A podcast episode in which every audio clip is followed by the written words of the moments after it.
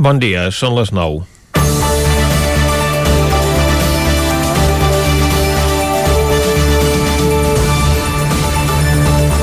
A diferència del que va passar a Catalunya, les eleccions a la Comunitat de Madrid van registrar una participació molt més elevada que les anteriors. Si bé en aquesta ocasió el temps va acompanyar i no es van dur a terme tantes mesures de prevenció sanitàries. De fet, el debat sobre la conveniència o no de celebrar-les quan la presidenta madrilenya va decidir agafar el toro per les banyes i avançar-les no va existir en cap moment com possiblement tampoc hagués existit aquí, si realment s'haguessin celebrat d'aquí uns dies, com volien la majoria de partits, però com sempre els tribunals s'hi van interposar. Uns tribunals que van actuar en conseqüència a la petició presentada per sectors afins al PSC, el gran interessat a que les eleccions catalanes se celebressin en aquell moment, i la jugada li va sortir bé. Van guanyar, però de forma pírrica i sense possibilitat de formar govern. Pedro Sánchez va voler aprofitar aquesta empenta per exercir d'estratega i ja se sap que en aquest terreny no és cap alumne avantatjat després de voler forçar la repetició d'unes eleccions generals en què hi va sortir perdent. El gran defensor de l'estabilitat política es va dedicar a desestabilitzar governs autonòmics per portar les restes de Ciudadanos al seu terreny, però li va sortir el tret per la culata a Múrcia i ara a Madrid perquè efectivament les eleccions han suposat un aval a la presidenta de l'autonomia que més morts ha patit per Covid-19.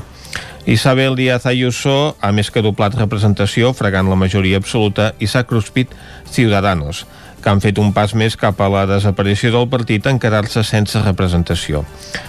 En una campanya tenyida de crispació i localisme, Mas Madrid ha superat per 4.500 vots un PSOE que ha obtingut els seus pitjors resultats. Bé, és cert que Ángel Gabilondo no ha tingut el tractament mediàtic que correspondria a qui va guanyar les darreres eleccions, però el seu desànim i una edat molt per sobre de la mitjana d'oponents l'han acabat condemnant. Ahir va ser elegant reconeixent la derrota, mentre que el PP va acabar celebrant la victòria apuntant a la Moncloa. La primera víctima d'aquest fracàs d'unes esquerres que no sumen és Pablo Iglesias, que ja ha anunciat la seva retirada de la política, tot i millorar els resultats de Podemos. De vicepresident del govern espanyol a expolític en quatre dies i ara a la dreta, ja està esperant el moment de cobrar-se una altra peça de caça major. La posició debilitadíssima en què queda el PSOE, la desaparició d'un partit frontissa com Ciudadanos i un Podemos que ni a Madrid ni a Catalunya pot treure rèdit de la seva presència al govern espanyol recomposen el mapa polític espanyol. I és molt probable que Catalunya s'estigués esperant aquest moment per desencallar les negociacions per formar govern, que ja és trist que uns partits que es proclamen independentistes estiguin expenses del que passa a l'Assemblea de Madrid. Comencem Territori 17, a la sintonia del 9 FM, Ona Codinenca, Ràdio Cardedeu, La Veu de Sant Joan i el 9 TV. Territori 17, amb Vicenç Vigues i Jordi Sunyer. Són les 9 i 3 minuts i mig del dimecres, dia 5 de maig de 2021. Comença ara mateix un nou Territori 17 que avui, com sempre, durant la primera hora us acostarà tota l'actualitat de les nostres comarques. Després, a partir de les 10, més informació, entrevista. Avui parlarem amb Maria Vidal, de Cardedeu Vital. Anirem també al Lletra Ferits. Avui som dimecres, per tant toca parlar de literatura. També passarem pel territori sostenible amb en Jordi Givert. I avui acabarem al punt de les 12 del migdia fent un repàs a les l'agenda cultural per a aquest proper cap de setmana. Abans, però, com sempre, el que farem ara és arrencar tot fent un repàs a l'actualitat de casa nostra, l'actualitat de les comarques del Ripollès, Osona, el Moianès i el Vallès Oriental.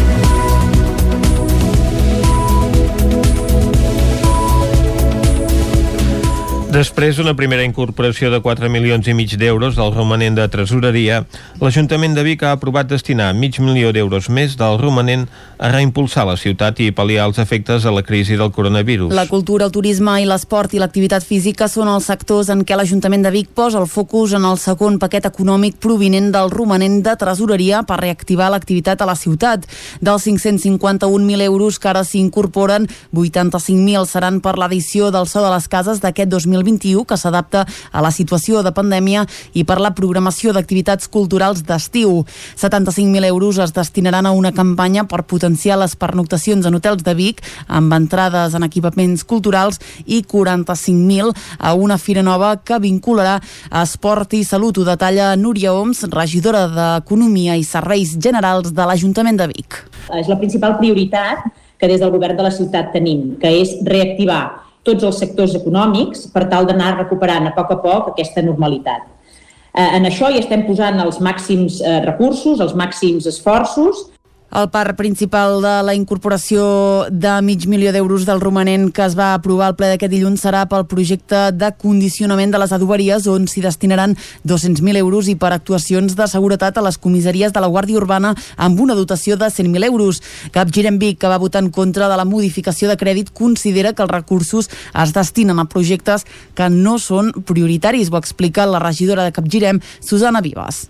No dubtem que moltes de les accions destinatàries d'aquesta despesa poden ser útils algun dia, però no són pas urgents ara en plena crisi sanitària de la Covid-19, que està greujant les problemàtiques socials i econòmiques, en molts casos fregant veritables drames que encara arrosseguem i és necessari posar totes les ajudes econòmiques possibles a combatre aquesta situació. Les noves mesures del Pla de Reactivació Econòmica es van aprovar amb els vots a favor de l'equip de govern d'Esquerra Republicana i també del PSC. Al ple de Vic també s'hi va parlar de la bandera espanyola que des de dilluns uneix el balcó de l'Ajuntament a la plaça Major. Després d'un prec de capgirem Vic que instava l'alcaldessa a no acatar la interlocutòria judicial que obliga l'Ajuntament a penjar la bandera espanyola al balcó principal, Anna R va explicar el posicionament de l'equip de govern que presentarà recurs.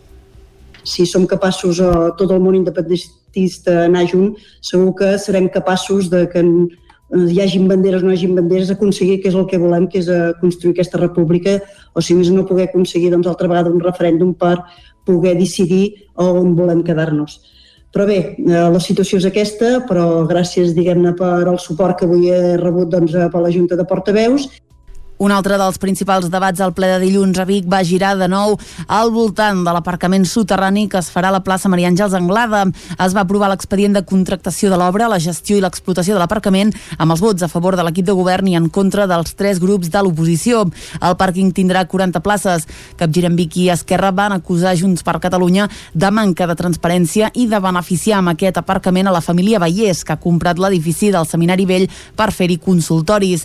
La regidora d'Urbanisme i Mobilitat va defensar el pàrquing parlant d'unes dades que xifren en 455 el dèficit de places d'aparcament a la zona entre la Rambla de Vallades i el centre històric. Gairebé 200 positius acumulats als centres escolars del Ripollès en només 5 escoles netes de Covid-19. Isaac Muntades, des de la veu de Sant Joan. Dels 26 centres educatius del Ripollès, només 5 no han tingut cap positiu des de l'inici de la pandèmia. Només l'escola l'Esquirol Zer Vall del Ter d'Ugassa, la llar d'infants de Ribes de Freser, la llar d'infants de Vallfogona del Ripollès, la llar d'infants al Pinet Xic de Sant Pau de Segúries i la llar d'infants Mare de Déu de Núria de Ripoll s'han salvat de la crema per ara. En total, al Ripollès s'han diagnosticat 196 casos positius en centres escolars, dels quals n'hi ha 158 que pertanyen a alumnes, 37 a docents i un a personal extern al centre. L'escola més castigada per la Covid-19 ha estat l'Institut Germans Vila-riera de Camprodon, que ha acumulat 33 casos positius que es corresponen a 29 alumnes i 4 professors. De fet, és el centre de la comarca on més alumnes s'han contagiat. En segon lloc, l'ocupa l'Escola Badruna de Ripoll amb 25 casos de 19 nens i 6 docents, que és la xifra més alta de mestres contagiats en un centre empatat amb el Tomàs Reguer, també de Ripoll. El podi el completa l'Institut d'Escola Mestre Andreu amb 22 positius corresponents a 17 alumnes i 5 professors. Amb 20 casos de Covid-19 hi trobem l'Escola Doctor Robert de Camprodon i el Tomàs Reguer. Curiosament, encara que hagi aïllat multitud de classes durant el curs i sigui el centre més gran pel que fa a alumnat de la comarca, l'Institut Abat Oliva de Ripoll no té massa casos, ja que ha fet molts confinaments per precaució. Així doncs, només ha registrat 14 casos positius, dos més que l'escola Doctor Ramon Sorinyac i el Centre de Formació d'Adults del Ripollès que hi ha a Ripoll. A 7 centres només s'hi ha detectat un cas positiu i només a 3 hi ha més docents contagiats que alumnes. En dos estan empatats el nombre de casos entre els mestres i els nens i en un només es va contagiar una persona externa al centre. Pel que fa a la situació de la pandèmia als centres escolars del Ripollès és gairebé inexistent. Segons les les dades del portal Traçacovid del Departament d'Educació de la Generalitat de Catalunya, només hi ha un alumne confinat en tota la comarca, el qual pertany a l'Institut Escola Mestre Andreu de Sant Joan de les Abadeses, on s'han detectat dos nens positius de Covid-19 els darrers 10 dies. A la resta de la comarca també s'ha detectat el cas positiu d'un alumne en els últims 10 dies en tres centres, l'Escola Doctor Robert de Camprodon i l'Institut Abat Oliva i l'Escola Badruna de Ripoll. Una trentena de voluntaris van recollir diumenge prop de 200 pneumàtics que algú havia abocat de manera il·legal en una zona boscosa de Sant Pere de Torelló.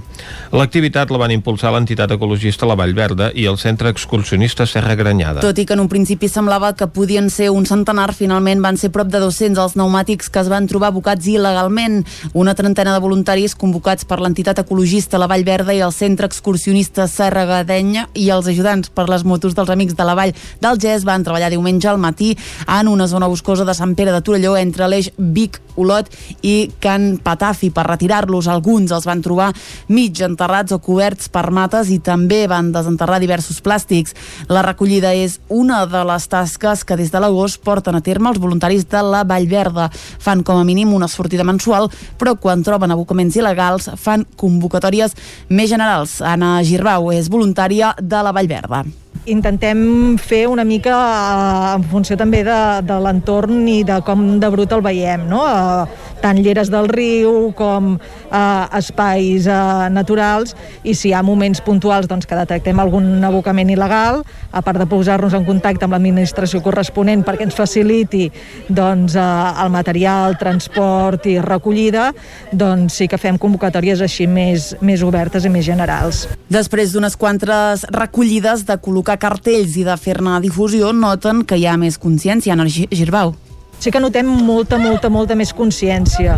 Des de les xarxes, els missatges que ens arriben, la gent que ens diu jo ara quan vaig d'excursió sempre m'emporto una bossa, o no era conscient de les escombraries que, que hi havia a l'entorn natural i ara eh, me n'adono. Sí, sí, hem notat una major consciència. Els pneumàtics recollits els van deixar pilats en un punt proper a un camí perquè un camió els pugui recollir i traslladar-los a una planta de tractament on es trituraran per fer asfalt per la carretera, ho explica Genís Garcia, regidor de Medi Ambient de Sant Pere de Torelló. El que beneficia és eh, el tenir l'espai net, evidentment.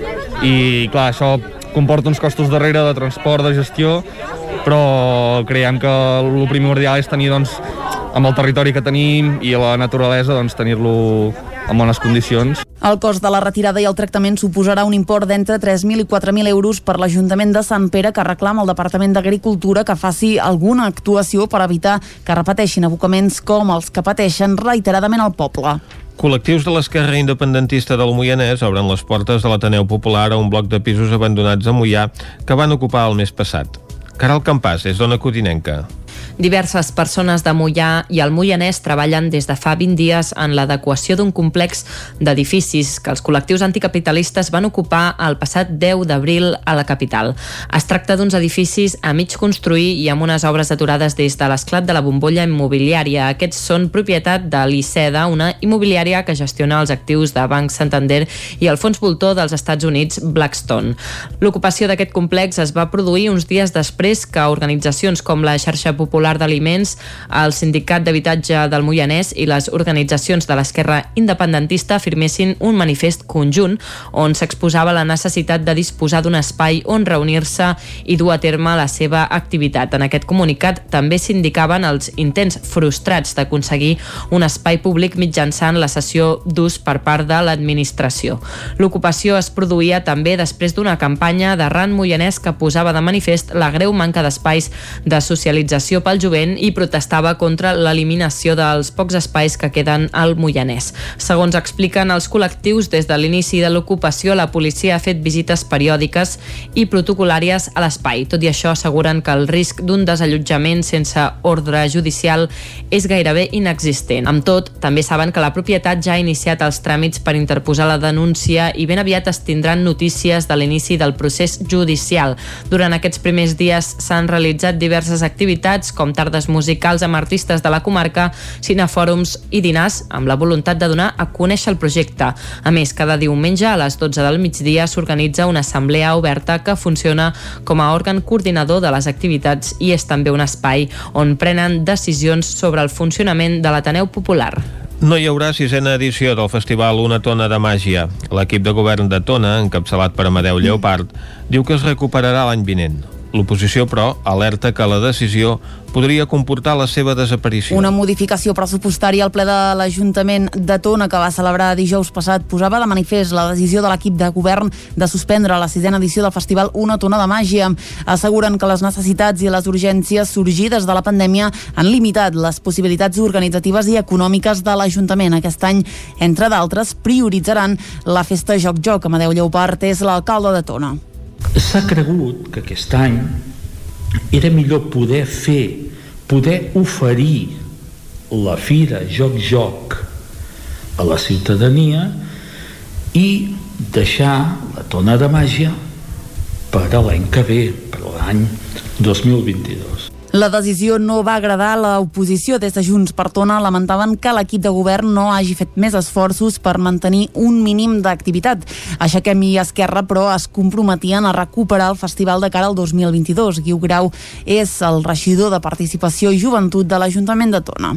La intenció és que l'any 2022, i de fet ja ens ficarem a treballar-hi treballar ara, és que es pugui celebrar aquesta sisena edició del, del festival i fins i tot volem anar un pas més enllà de les, de les últimes edicions i obrir encara més la participació ciutadana. Qui també rebia amb sorpresa la notícia era el director artístic del Festival Una Tona de Màgia, Jordi Pota pot ser que no passi res i que la gent torni l'any que ve, l'any següent i digui, doncs pues mira, eh, ja va tornar a venir o pot ser que la gent no se'n recordi ja i que torni a costar molt, com per exemple una primera edició o segona, a arrencar una altra vegada la gent per tornar a venir cap aquí.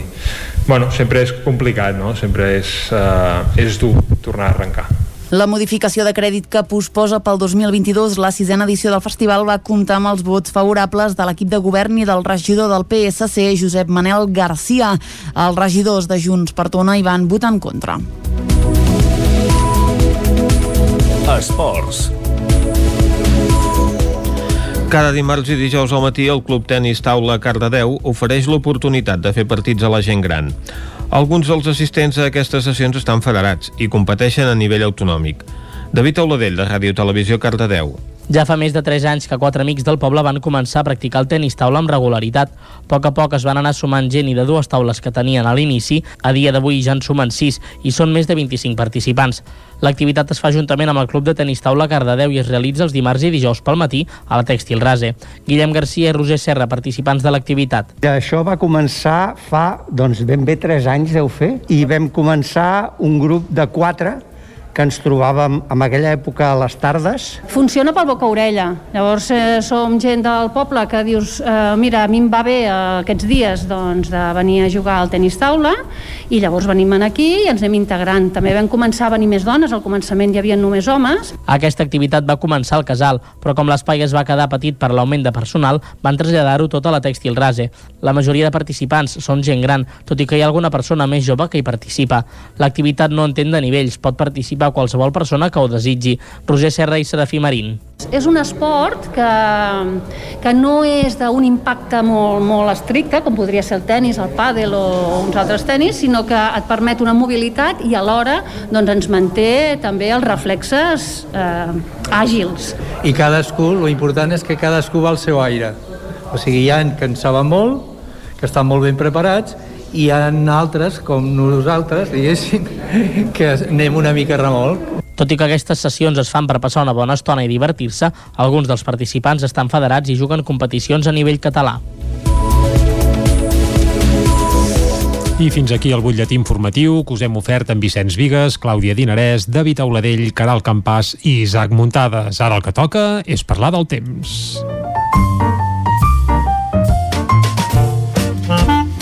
Casa Terradellos us ofereix el temps. I a Territori 17 parlar del temps vol dir parlar amb en Pep Acosta. Bon dia, Pep. Molt bon dia. Molt bon dia. Ja estem aquí a l'espai del temps. Correcte. Va avançant la setmana uh -huh. i amb molt poques novetats pel que fa al temps. bueno, l'única novetat és que cada dia les temperatures van pujant.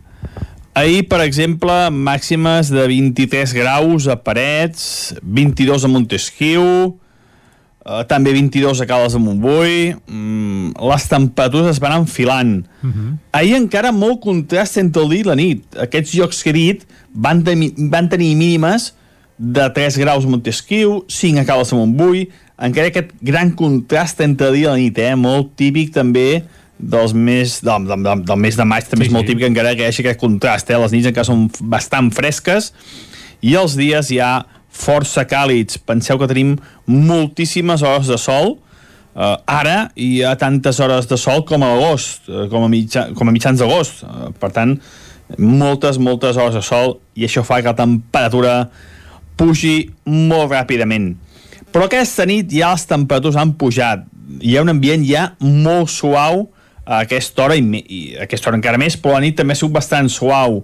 Només ha glaçat una mica a molt alta muntanya, avui de Ter zones pròximes de 1 sota 0, 6 graus de mínima a Sant Pau de Segúries, 5 a Molló, 5 a Puig de Zolles, però la majoria de les temperatures ja entre els 7 i els 12 graus. Es va notant que puja una mica de bombolla d'aire càlida del nord d'Àfrica i mica a mica es va instal·lant sobre nostra. Anem notant més i més ambient càlid cada vegada. Hi ha algun núvol al preditoral, ara mateix, però marxarà molt de pressa. Al migdia quedarà molt assolellat i només a la tarda creixeran algunes nuvolades cap al Pirineu. Ahir van deixar quatre gotes cap al Ripollès i avui a la tarda tampoc es descarten quatre gotes. Si és que arriben a caure, seran molt, molt poca cosa. D'un a dos litres, eh? Uh, res a veure amb les tempestes, com, dic, com sempre dic, de l'estiu. Bé, molt poca cosa. Quatre gotes, si és que arriben caure. I les temperatures encara més altes que les d'ahir. Jo crec que algun valor ja tocarem els 25 graus. Sota cap al prelitoral, però també a l'interior d'Osona, algun cap al Moianès, poder també, els sectors més càlids poden tocar els 24-25 graus. Amb alguna nuvolada cap a les zones de muntanya del prelitoral, però sense cap conseqüència. Si hi ha una tempesteta, només serà cap al Pirineu, i ja veieu, anem de pressa aquests dies, hi ha molt poc moviment, sembla que de cara a cada setmana es pot posar una mica més interessant, però veurem què passa, eh? la primera és així, eh? eh d'un dia a l'altre pot variar moltíssim. Moltes gràcies, fins demà, adeu. Vinga, moltes gràcies a tu, Pep, i nosaltres ara el que fem és anar cap al quiosc. Casa Tarradellas us ha ofert aquest espai. Territori 17 Arriba l'hora de fer una ullada a les portades dels diaris d'avui, un dia en què a la premsa hi trobem una única protagonista, Clàudia. Molt bon dia de nou. Comencem a les portades catalanes. Eh, l'única protagonista la trobarem més aviat a les portades de Madrid. Comencem amb el punt avui que diu 25% de catalans amb la primera dosi. Salut insisteix en allargar segones dosis per tenir 5 milions de vacunats al juliol. Dilluns que ve es començarà a vacunar la franja d'entre 50 i 59 anys i el govern renuncia al toc de queda però mantindrà algunes mesures a la imatge un grec com els d'abans. El Festival d'Estiu de Barcelona recupera el centenar d'actuacions en directe. Aquí també veiem a Díaz Ayuso, que és la gran protagonista de la jornada, que escombra l'esquerra a Madrid i Pablo Iglesias plega. Anem al diari Ara que diu Ayuso arrasa però necessitarà Vox. La candidata del PP es queda a les portes de la majoria absoluta. Com dèiem fa un moment, vacunació. La setmana que ve ja toca els de 50 a 59 anys i adeu al toc de queda i al confinament perimetral. Anem al periòdico que ells sí que obren amb una portada llençol, diu Huracà Ayuso, el PP es menja Ciutadans i dinamita l'esquerra. Pablo Iglesias, el líder de Podem, abandona la política a l'aconseguir només 10 escons i més Madrid supera els socialistes. Si a l'avantguàrdia Ayuso, Arrasa i Casado proclama el principi del final de Sánchez. Iglesias deixa la política després del fiasco de l'esquerra. El PSOE i la Moncloa, per la seva banda, accepten el desastre sense pal·liatius. A la vacunació arriba el baby boom a partir de dilluns. La campanya s'estén a Catalunya a la població d'entre 50 i 59 anys i el Suprem tindrà l'última paraula sobre el toc de queda. Anem a veure com llegeixen aquests resultats a les eleccions a l'Assemblea de Madrid els diaris de la capital espanyola. Aquí sí que exclusivament es centren en els resultats de les eleccions. Comencem pel país que diu Ayuso arrasa a Madrid. La candidata del Partit Popular dobla els seus escons i supera la suma de l'esquerra. El Partit Socialista s'enfonsa amb el pitjor resultat de la història a la comunitat i Pablo Iglesias abandona la política. Anem al Mundo que diu Ayuso noqueja a Pedro Sánchez i acaba amb la carrera de Pablo Iglesias. El líder de Podem anuncia que abandona la política i deixa tots els seus càrrecs després de quedar cinquè amb només un 7% i 10 parlamentaris. El Partit Popular considera el 4 de maig el punt d'inflexió en el seu camí cap a la Moncloa. Anem avançant, anem a la raó que diu Ayuso canvi de cicle. Arrasa a Madrid. El Partit Popular suma més que tota l'esquerra i podria governar en solitari. També parlant d'una participació històrica, diu es dispara fins a arribar al 76%, 12 punts més que en els comicis de l'any 2019. A la imatge principal hi veiem Ayuso, però eh, també obren amb una, amb una imatge de Pablo Iglesias, diu Epitafi d'Iglesias, del 15M al 4M. Obren cometes, deixo la política, diu per la batalla entre comunisme i llibertat. Acabem, com sempre, amb la portada de l'ABC, una portada de llençol amb Ayuso al capdavant. Diu Madrid tomba l'esquerra. Ayuso arrasa el 4M i podria governar en solitari amb 65 diputats. Evidentment també obren amb Iglesias, que diu deixa la política després de fracassar en el seu intent de reflotar a Podemos. El que fan a, a la portada és una comparativa de les eleccions del 2019 amb les d'aquest any i diu del vermell al blau en només dos anys amb un mapa dels municipis madrilenys i aquest canvi de color que ha experimentat en aquesta ocasió les eleccions a l'Assemblea de Madrid. El Punt Avui és l'únic diari que no centra la seva portada en aquestes eleccions madrilenyes, sinó que la dedica a la presentació de la programació del grec a Barcelona i Dia d'Ayuso ocupa un espai a la part inferior de la portada amb una fotografia d'arxiu i en canvi a l'altra banda li trobem el periòdico que ni tan sols eh, doncs, doncs avui utilitza el recurs de destacar alguna notícia en aquesta P de la, del seu, de la seva capitular en la portada i dedica tota la pàgina a un primer pla d'Isabel Díaz Ayuso celebrant la victòria i també doncs, a la retirada de Pablo Iglesias. I si anem a Madrid avui al Mundo doncs col·loca la seva editorial en portada on destaca la aprovació massiva de la gestió liderada per Isabel Díaz Ayuso eh, sota doncs, les, eh, el submetiment d'aquesta pandèmia. Hem fet un repàs a aquestes portades d'avui marcades pel resultat de les eleccions a Madrid. Ara fem una pausa i tornem d'aquí un moment. El nou FM, la ràdio de casa, al 92.8. Si has nascut el 1961 o abans, ja pots fer el gest que estaves esperant. Si encara no tens cita per vacunar-te, demana-la ara a vacunacovidsalut.cat. Recorda, vacunacovidsalut.cat. Salut, cuidem el que som. Catalunya 2030, Generalitat de Catalunya. La Cakery. Pastissos personalitzats, galetes, cookies, brownies i molt més. Ens trobaràs a Vic, al carrer de Gurb 34 Baixos, al telèfon 93 886 70 51 i també a Instagram i Facebook. Xalant Moda i Complements. Nova temporada primavera-estiu. Moda home-dona, nen-nena, sabates, bosses de mà, maletes, complements i molt més. Vine a veure, ens trobaràs una secció d'ofertes amb roba de la temporada passada a 10 euros i 19 euros. Vine a Can Xalant, ens trobaràs al carrer Sant Tomàs número 6 de Call d'Atenes. També a Instagram i Facebook. Cocodril Club. Si t'agrada la bona música dels anys 60, 70 i 80, escolta el 9 FM als matins de dissabtes i diumenges d'11 a 1. És el temps del Cocodril Club, tot un clàssic de la ràdio, amb les bases del pop-rock, les llegendes, les cançons que s'han convertit en autèntics himnes. Recorda, dissabtes i diumenges al matí, d'11 a 1, al 9 FM 92.8. Cocodril Club, el programa revival de l'Albert Malla. Hasta luego.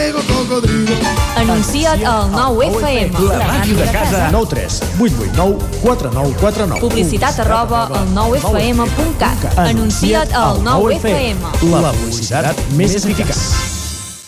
A Corretja tenim tot el que necessites per la teva llar. Tot tipus de paviments i revestiments, sistemes d'aïllament, cobertes, parquets, aixetes, ferreteria, pintures, fixació i cargoleria, vestuari i material de seguretat. Disposem de més de 3.500 metres quadrats d'exposició amb una nova zona exterior d'aïllaments. A Corretja som especialistes en cuines i banys. Us assessorem, dissenyem i realitzem el projecte des de l'inici fins a la fi del muntatge. 100% cuines, 100% banys. Al carrer Mas Vigues 8 de Vic, a corretja-sl.com o a Instagram. 100% materials per la construcció i la decoració. 100% corretja. Hi ha sensacions que són úniques. Aquell bany relaxant, mirar per la finestra quan plou i com les calderes Bailand, que li ofereixen fins a 15 anys de cobertura total amb el servei tècnic oficial Bailand. Informis a Oficiat Nord trucant al 93 886 0040. Amb el servei tècnic oficial de Bailand, la seva caldera estarà en les millors mans.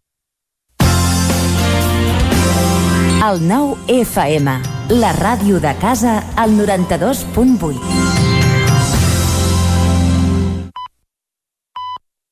Territori 17, amb Vicenç Vigues i Jordi Sunyer. Dos quarts de deu en punt d'avui dimecres, dia 5 de maig de 2021. Seguim en directe aquí a Territori 17 i de seguida us acostarem de nou tota l'actualitat de les nostres comarques. Després, a partir de les 10, seguirem al peu del canó amb un nou butlletí informatiu. Uh, després anirem a l'entrevista. Avui des de Ràdio Cardedeu conversarem amb Maria Vidal de Cardedeu Vital. Tindrem lletra ferits perquè som dimecres parlant de literatura. Avui ho farem des d'Ona Codinenca, concretament amb el Josep Casart. També anirem al Descobrint Catalunya. Avui passarem per la Garriga per saber els encants d'aquesta població del Vallès Oriental. Passarem també per la R3 i acabarem a prop de les 12 del migdia fent un repàs a l'agenda cultural per aquest proper cap de setmana. Recordeu que és cap de setmana ja sense confinament comarcal i que a més a més a partir de la nit de dissabte fins i tot s'acaba el toc de queda. Per tant, eh, canvis, en, si més no pel que fa a restriccions i en teoria a positiu. Per tant, a l'hora de gaudir de les activitats del cap de setmana, doncs poques restriccions i podrem gaudir de tot el que parlem avui a la part final de Territori 17. Això sí, sempre i quan hi hagi aforament, perquè molts dels espectacles, eh, tenint en compte les limitacions d'aforaments que hi ha, doncs compten amb entrades ja esgotades abans fins i tot de, bé, de, de començar una cosa que, que bé, que és per celebrar, però també cal tenir en compte. Ara ja no ens enrotllem més i tornem al gra. Va, tornem a la informació de les nostres comarques. Ja ho sabeu, les comarques del Ripollès, Osona, el Moianès i el Vallès Oriental.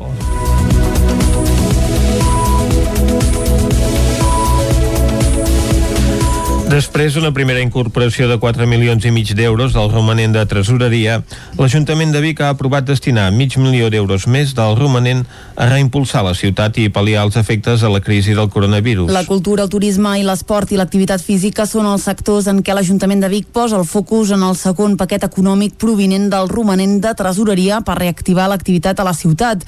Dels 551.000 euros que ara s'incorporen, 85.000 seran per l'edició del So de les Cases d'aquest 2021 que s'adapta a la situació de pandèmia i per la programació d'activitats culturals d'estiu. 75.000 euros es destinaran a una campanya per potenciar les pernoctacions en hotels de Vic amb entrades en equipaments culturals i 45.000 a una fira nova que vincularà esport i salut. Ho detalla Núria Oms, regidora d'Economia i Serveis Generals de l'Ajuntament de Vic. És la principal prioritat que des del govern de la ciutat tenim, que és reactivar tots els sectors econòmics per tal d'anar recuperant a poc a poc aquesta normalitat. Eh, en això hi estem posant els màxims eh, recursos, els màxims esforços el part principal de la incorporació de mig milió d'euros del romanent que es va aprovar al ple d'aquest dilluns serà pel projecte de condicionament de les adoberies on s'hi destinaran 200.000 euros i per actuacions de seguretat a les comissaries de la Guàrdia Urbana amb una dotació de 100.000 euros. Cap Vic, que va votar en contra de la modificació de crèdit, considera que els recursos es destinen a projectes que no són prioritaris. Ho explica la regidora de Capgirem, Susana Vivas. No dubtem que moltes de les accions destinatàries d'aquesta despesa poden ser útils algun dia, però no són pas urgents ara en plena crisi sanitària de la Covid-19, que està greujant les problemàtiques socials i econòmiques en molts casos, fregant veritables drames que encara arrosseguem i és necessari posar totes les ajudes econòmiques possibles a combatre aquesta situació. Les noves mesures del Pla de Reactivació Econòmica es van aprovar amb els vots a favor de l'equip de govern d'Esquerra Republicana i també del PSC. Al ple de Vic també s'hi va parlar de la bandera espanyola que des de dilluns uneix el balcó de l'Ajuntament a la plaça Major. Després d'un prec de capgir en Vic que instava l'alcaldessa a no acatar la interlocutòria judicial que obliga l'Ajuntament a penjar la bandera espanyola al balcó principal, Anna R va explicar el posicionament de l'equip de govern que presentarà recurs. Si som capaços, eh, tot el món independentista, anar junt, segur que serem capaços de que Eh, hi hagin banderes o no hi hagin banderes, aconseguir que és el que volem, que és a eh, construir aquesta república, o si més no poder aconseguir doncs, altra vegada un referèndum per poder decidir on volem quedar-nos. Però bé, eh, la situació és aquesta, però gràcies, diguem-ne, per al suport que avui he rebut doncs, per la Junta de Portaveus un altre dels principals debats al ple de dilluns a Vic va girar de nou al voltant de l'aparcament soterrani que es farà a la plaça Maria Àngels Anglada. Es va aprovar l'expedient de contractació de l'obra, la gestió i l'explotació de l'aparcament amb els vots a favor de l'equip de govern i en contra dels tres grups de l'oposició. El pàrquing tindrà 40 places. Capgirem Vic i Esquerra van acusar Junts per Catalunya de manca de transparència i de beneficiar amb aquest aparcament a la família Vallès, que ha comprat l'edifici del Seminari Vell per fer-hi consultoris. La regidora d'Urbanisme i Mobilitat va defensar el pàrquing parlant d'unes dades que xifren en 455 el dèficit de places d'aparcament a la zona entre la Rambla de Vallades i el centre històric. Gairebé 200 positius acumulats als centres escolars del Ripollès en només 5 escoles netes de Covid-19.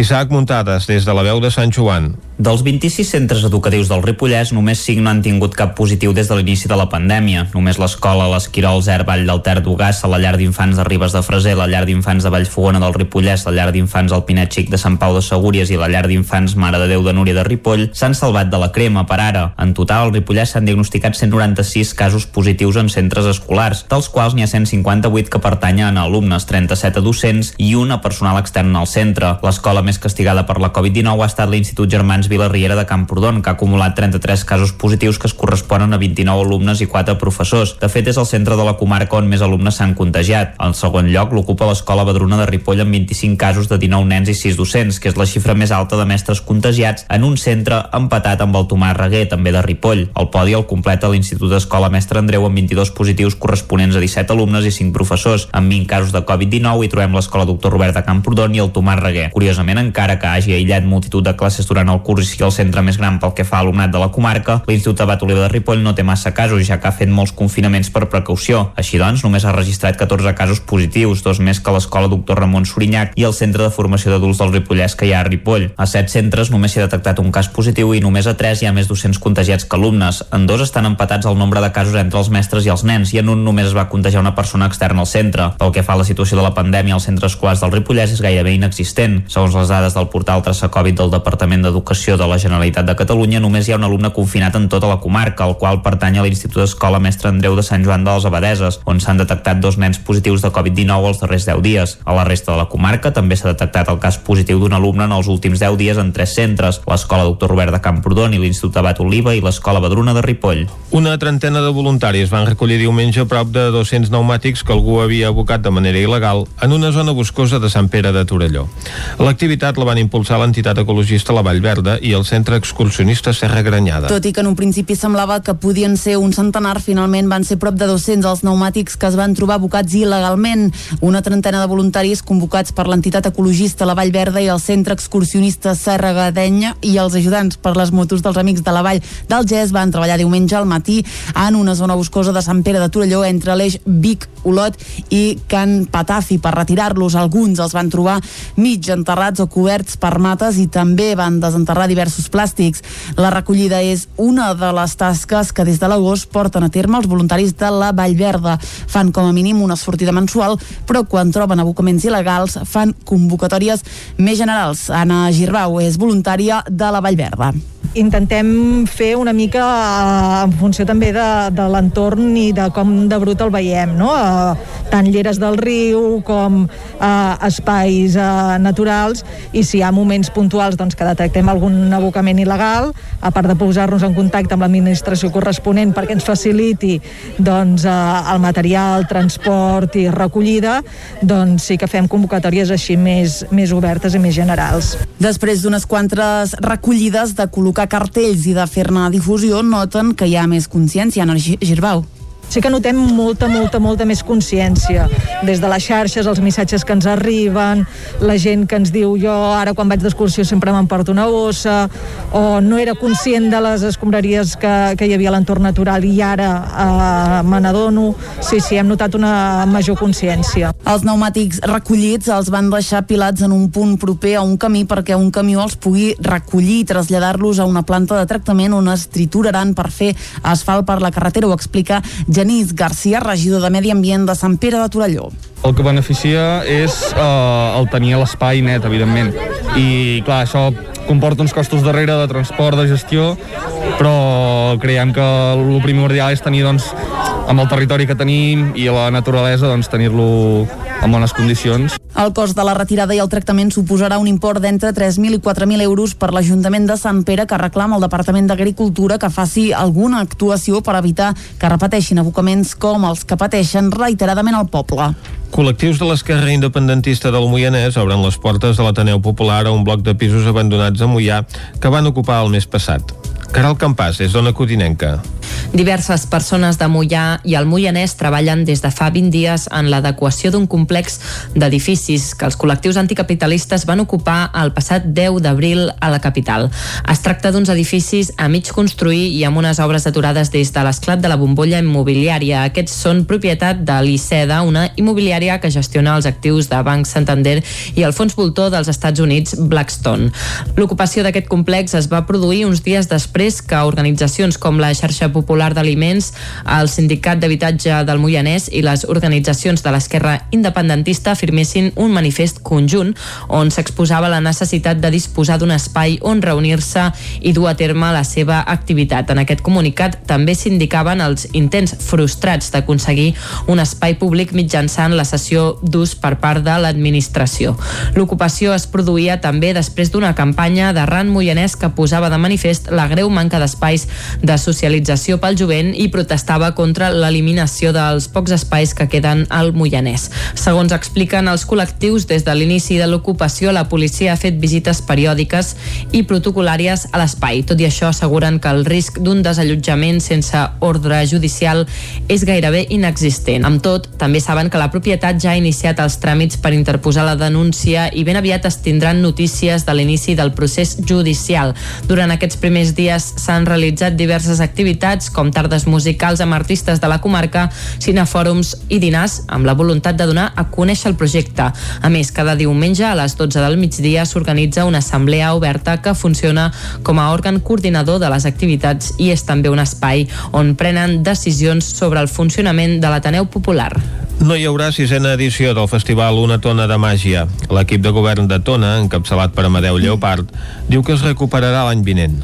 L'oposició, però, alerta que la decisió podria comportar la seva desaparició. Una modificació pressupostària al ple de l'Ajuntament de Tona que va celebrar dijous passat posava de manifest la decisió de l'equip de govern de suspendre la sisena edició del festival Una tona de màgia.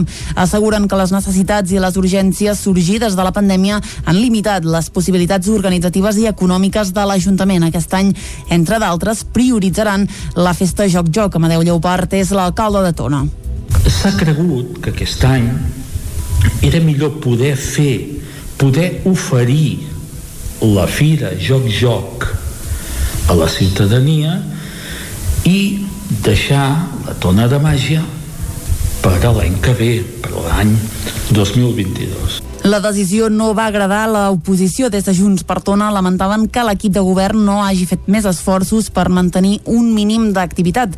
Aixequem i Esquerra, però, es comprometien a recuperar el festival de cara al 2022. Guiu Grau és el regidor de Participació i Joventut de l'Ajuntament de Tona.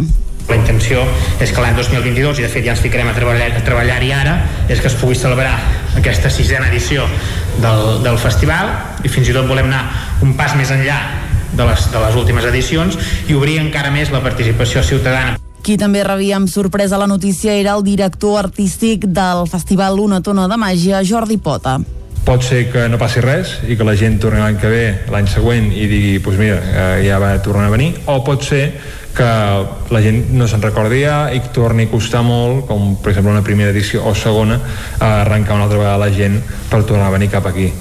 Bueno, sempre és complicat, no? Sempre és, eh, és dur tornar a arrencar. La modificació de crèdit que posposa pel 2022 la sisena edició del festival va comptar amb els vots favorables de l'equip de govern i del regidor del PSC, Josep Manel Garcia. Els regidors de Junts per Tona hi van votar en contra. Esports. Cada dimarts i dijous al matí el Club Tenis Taula Cardedeu ofereix l'oportunitat de fer partits a la gent gran. Alguns dels assistents a aquestes sessions estan federats i competeixen a nivell autonòmic. David Auladell, de Ràdio Televisió Cardedeu. Ja fa més de 3 anys que quatre amics del poble van començar a practicar el tenis taula amb regularitat. A poc a poc es van anar sumant gent i de dues taules que tenien a l'inici, a dia d'avui ja en sumen 6 i són més de 25 participants. L'activitat es fa juntament amb el Club de Tenis Taula Cardedeu i es realitza els dimarts i dijous pel matí a la Tèxtil Rase. Guillem Garcia i Roger Serra, participants de l'activitat. Això va començar fa, doncs ben bé 3 anys deu fer, i vam començar un grup de 4 que ens trobàvem en aquella època a les tardes. Funciona pel boca-orella. Llavors eh, som gent del poble que dius eh, mira, a mi em va bé eh, aquests dies doncs, de venir a jugar al tenis taula i llavors venim aquí i ens anem integrant. També vam començar a venir més dones, al començament hi havia només homes. Aquesta activitat va començar al casal, però com l'espai es va quedar petit per l'augment de personal, van traslladar-ho tot a la Tèxtil Rase. La majoria de participants són gent gran, tot i que hi ha alguna persona més jove que hi participa. L'activitat no entén de nivells, pot participar a qualsevol persona que ho desitgi. Roger Serra i Serafí Marín. És un esport que, que no és d'un impacte molt, molt estricte, com podria ser el tennis, el pàdel o uns altres tennis, sinó que et permet una mobilitat i alhora doncs, ens manté també els reflexes eh, àgils. I cadascú, lo important és que cadascú va al seu aire. O sigui, hi ha que en saben molt, que estan molt ben preparats hi ha altres, com nosaltres, diguéssim, que anem una mica remolc. Tot i que aquestes sessions es fan per passar una bona estona i divertir-se, alguns dels participants estan federats i juguen competicions a nivell català. I fins aquí el butlletí informatiu que us hem ofert amb Vicenç Vigues, Clàudia Dinarès, David Auladell, Caral Campàs i Isaac Muntades. Ara el que toca és parlar del temps.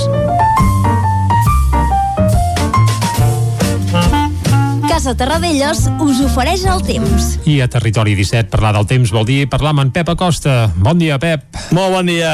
Molt bon dia. Ja estem aquí a l'espai del temps. Correcte. Va avançant la setmana uh Mhm. -huh. i amb molt poques novetats pel que fa al temps. bueno, l'única novetat és que cada dia les temperatures van pujant.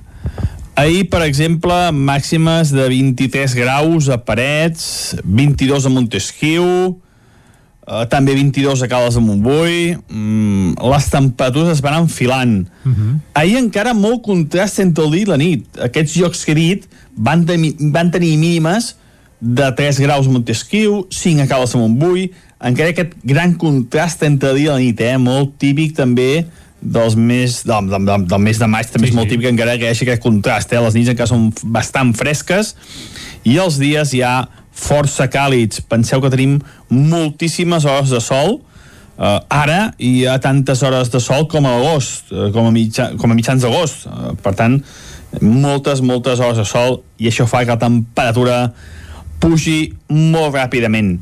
Però aquesta nit ja les temperatures han pujat.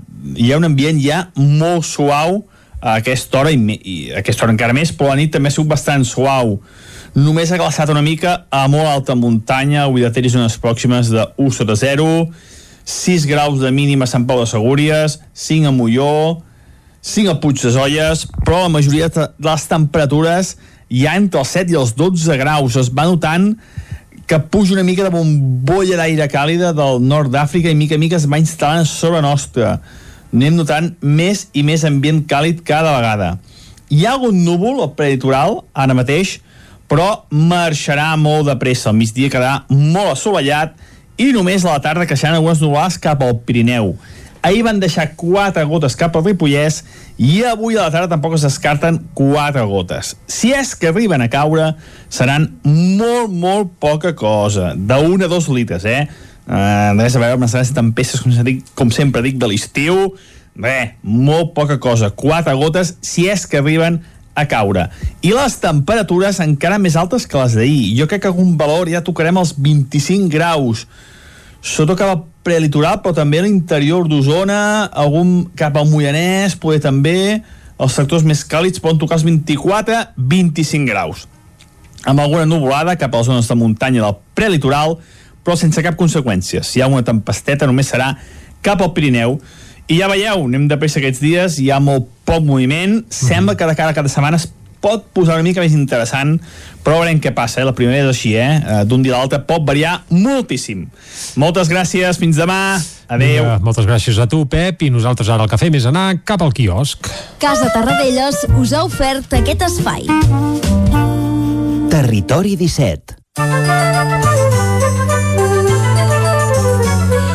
Arriba l'hora de fer una ullada a les portades dels diaris d'avui, un dia en què a la premsa hi trobem una única protagonista, Clàudia. Molt bon dia de nou. Comencem a les portades catalanes.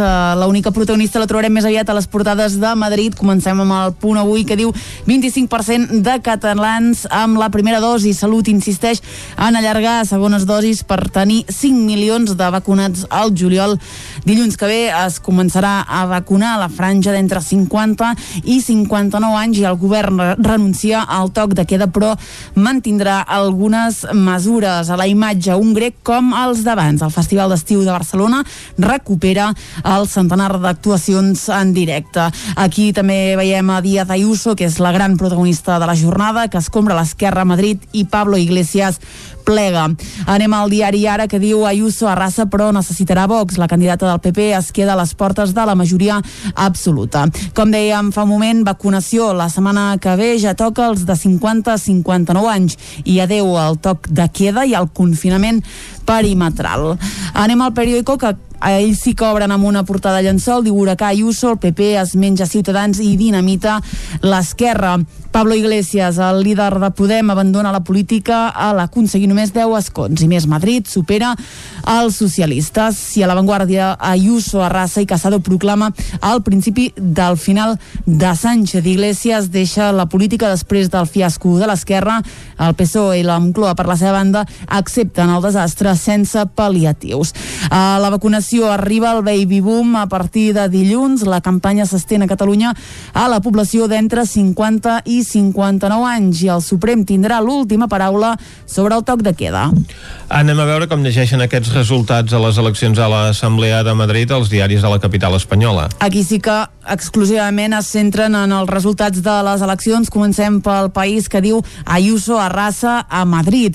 La candidata del Partit Popular doble els seus escons i supera la suma de l'esquerra. El Partit Socialista s'enfonsa amb el pitjor resultat de la història a la comunitat i Pablo Iglesias abandona la política. Anem al Mundo que diu Ayuso noqueja a Pedro Sánchez i acaba amb la carrera de Pablo Iglesias. El líder de Podem anuncia que abandona la política i deixa tots els seus càrrecs després de quedar cinquè amb només un 7% i 10 parlamentaris.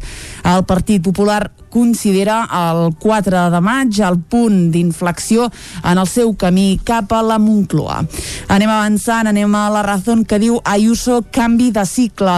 Arrasa a Madrid. El Partit Popular suma més que tota l'esquerra i podria governar en solitari. També parlant d'una participació històrica, diu es dispara fins a arribar al 76%, 12 punts més que en els comicis de l'any 2019. A la imatge principal hi veiem veiem Ayuso, però eh, també obren amb una, amb una imatge de Pablo Iglesias, diu Epitafi d'Iglesias, del 15M al 4M. Obren cometes, deixo la política, diu per la batalla entre comunisme i llibertat. Acabem, com sempre, amb la portada de l'ABC, una portada llençol amb Ayuso al capdavant, diu Madrid tomba l'esquerra. Ayuso arrasa el 4M i podria governar en solitari amb 65 diputats. Evidentment també obren amb Iglesias, que diu deixa la política després de fracassar en el seu intent de reflotar a Podemos. El que fan a, a la portada és una comparativa de les eleccions del 2019 amb les d'aquest any i diu del vermell al blau en només dos anys. Amb un mapa dels municipis madrilenys i aquest canvi de color que ha experimentat en aquesta ocasió les eleccions a l'Assemblea de Madrid. El Punt Avui és l'únic diari que no centra la seva portada en aquestes eleccions madrilenyes, sinó que la dedica a la presentació de la programació del grec a Barcelona i Dia d'Ayuso ocupa un espai a la part inferior de la portada amb una fotografia d'arxiu. I en canvi a l'altra banda li trobem el periòdico que ni tan sols eh, doncs avui utilitza el recurs de destacar alguna notícia en aquesta P de la, del seu, de la seva capitular en la portada i dedica tota la pàgina a un primer pla d'Isabel Díaz Ayuso celebrant la victòria i també doncs, a la retirada de Pablo Iglesias. I si anem a Madrid avui al Mundo doncs col·loca la seva editorial en portada on destaca la aprovació massiva de la gestió liderada per Isabel Díaz Ayuso eh, sota doncs, les, eh, el sotmetiment d'aquesta pandèmia. Uh, Vicenç, ja que parlem de victòries, per això deixa'm dir alguna victòria que no apareix a cap portada, i és la de Pep Guardiola, que finalment vaja, estarà a la final de la Champions, ja que no hi tenim el Barça, almenys que hi hagi un tècnic català, uh, i ahir va derrotar 2 a 0 el PSG, i tenim uh, final catalana de la Champions, i de bàsquet, també parlem Ara, una mica de bàsquet. perquè el Barça de bàsquet va apallissar. Correcte, finalment, uh, en l'última oportunitat, oportunitat oportunitat que tenia perquè s'ho jugava tot el darrer partit anaven 2 a 2, el millor de 3 s'anava cap a la Final Four i el Barça de Jessica Vicius ahir sí que va fer un partit d'aquells d'anar a totes com hauria de ser sempre i no va donar cap opció uh, per cert, a un equip que també entrenava un català eh? sí. l'ex uh, tècnic del Barça el Pasqual que, que bé, que ha fet una molt bona sèrie i per tant jo crec que pot estar content també Tots, però vaja, parlem de victòries que també ens alegrin uh, la jornada a part de, del que passa a Madrid i a nivell esportiu sempre n'hi ha i és això, és, vaja, bàsicament per això he volgut ressaltar aquestes dues, la de Pep Guardiola que el tindrem a la final de la Champions ja veurem contra qui, això ho sabrem avui. Mm, exacte. no cal que et digui a qui desitjo que s'enfronti però, però bé, d'això en tot cas eh, n'haurem de parlar demà, no? De, sí senyor, si de cas si hem de sortir de dubtes podem connectar amb la veu de Sant Joan Uh, bé, fe, fem-ho demà, fem-ho demà. Uh, ara el que toca és parlar de música, la part final d'aquesta primera hora de Territori 17, i avui portem una altra estrena d'aquelles que, que portem de vegades, però més és una estrena uh, a tots, uh, amb tots els sentits, d'un projecte nou, cançó nova i crec que ens sentirem a parlar d'aquest projecte. Es diu, atenció, Arribar i ploure. Uh -huh. Saps la frase feta aquella d'arribar i moldre? Sí, senyor. doncs evidentment se l'han feta seva i ara es diuen arribar i ploure. Dius, qui hi ha darrere d'arribar i ploure? Doncs el líder d'aquesta formació és l'Àlex Pujols, el baixista de Charango. Com uh -huh. que el Charango, bé, malauradament estan inactius, els hi queda just fer un concert de comiat que per culpa de la pandèmia doncs de moment no té ni data ni, ni, ni calendari. Uh -huh. Doncs mentrestant alguns dels seus membres doncs toquen per exemple amb Marcel i Júlia, un projecte que ja hem escoltat aquí a Territori 17 i en el cas de l'Àlex Pujol doncs, Àlex Pujols, en plural, diguem-ho bé doncs debuta amb això, amb Arribar i Ploure. És un projecte que ell mateix eh, lidera al costat del Ricard Ferrer i en la primera cançó que han donat a conèixer, que és la que escoltarem ara es diu Xuf per tu i és una història d'amor feta només amb onomatopeies. Per tant té la Ah, seva clar. gràcia. No és una cançó convencional sinó això, història d'amor amb onomatopeies. D'aquí el títol, eh? Xof de xof uh, per, per tu i jo crec que l'hem d'escoltar de cap a peus perquè val molt la pena, què et sembla? Oh, sí? Doncs va, escoltem el, el debut d'arribar i ploure esperant, això sí, que, que, que no plogui, eh? si més no avui, va vinga, l'Àlex Pujols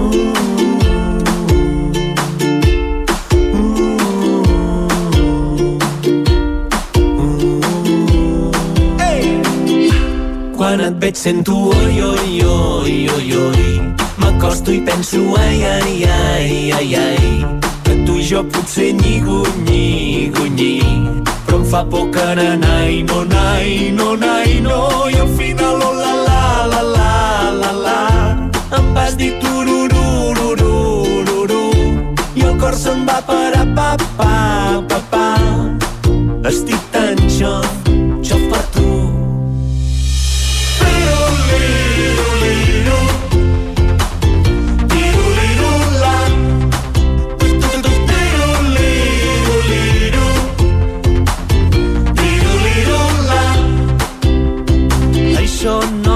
va i ve, quin pum-pum que em fa el cor quan somrius, ye, ye, ye. Hores llargues, tic-tac, cric, cric, cric, esperant i de cop, tac, tac, clac.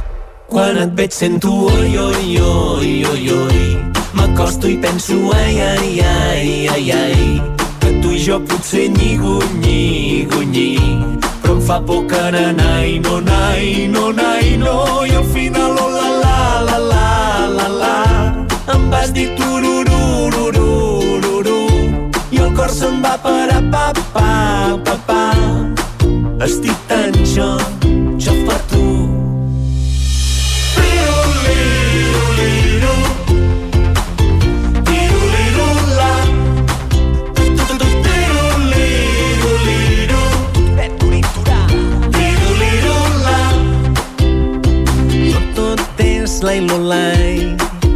buah, buah, què faré, baby, si em dius bye-bye? Dius que venc, fum, fum, fum, i entretant, bla, bla, bla, tot acaba ximpum. Què t'ha semblat, Vicenç, aquesta cançó? Espectacular, no? Oh, i tant.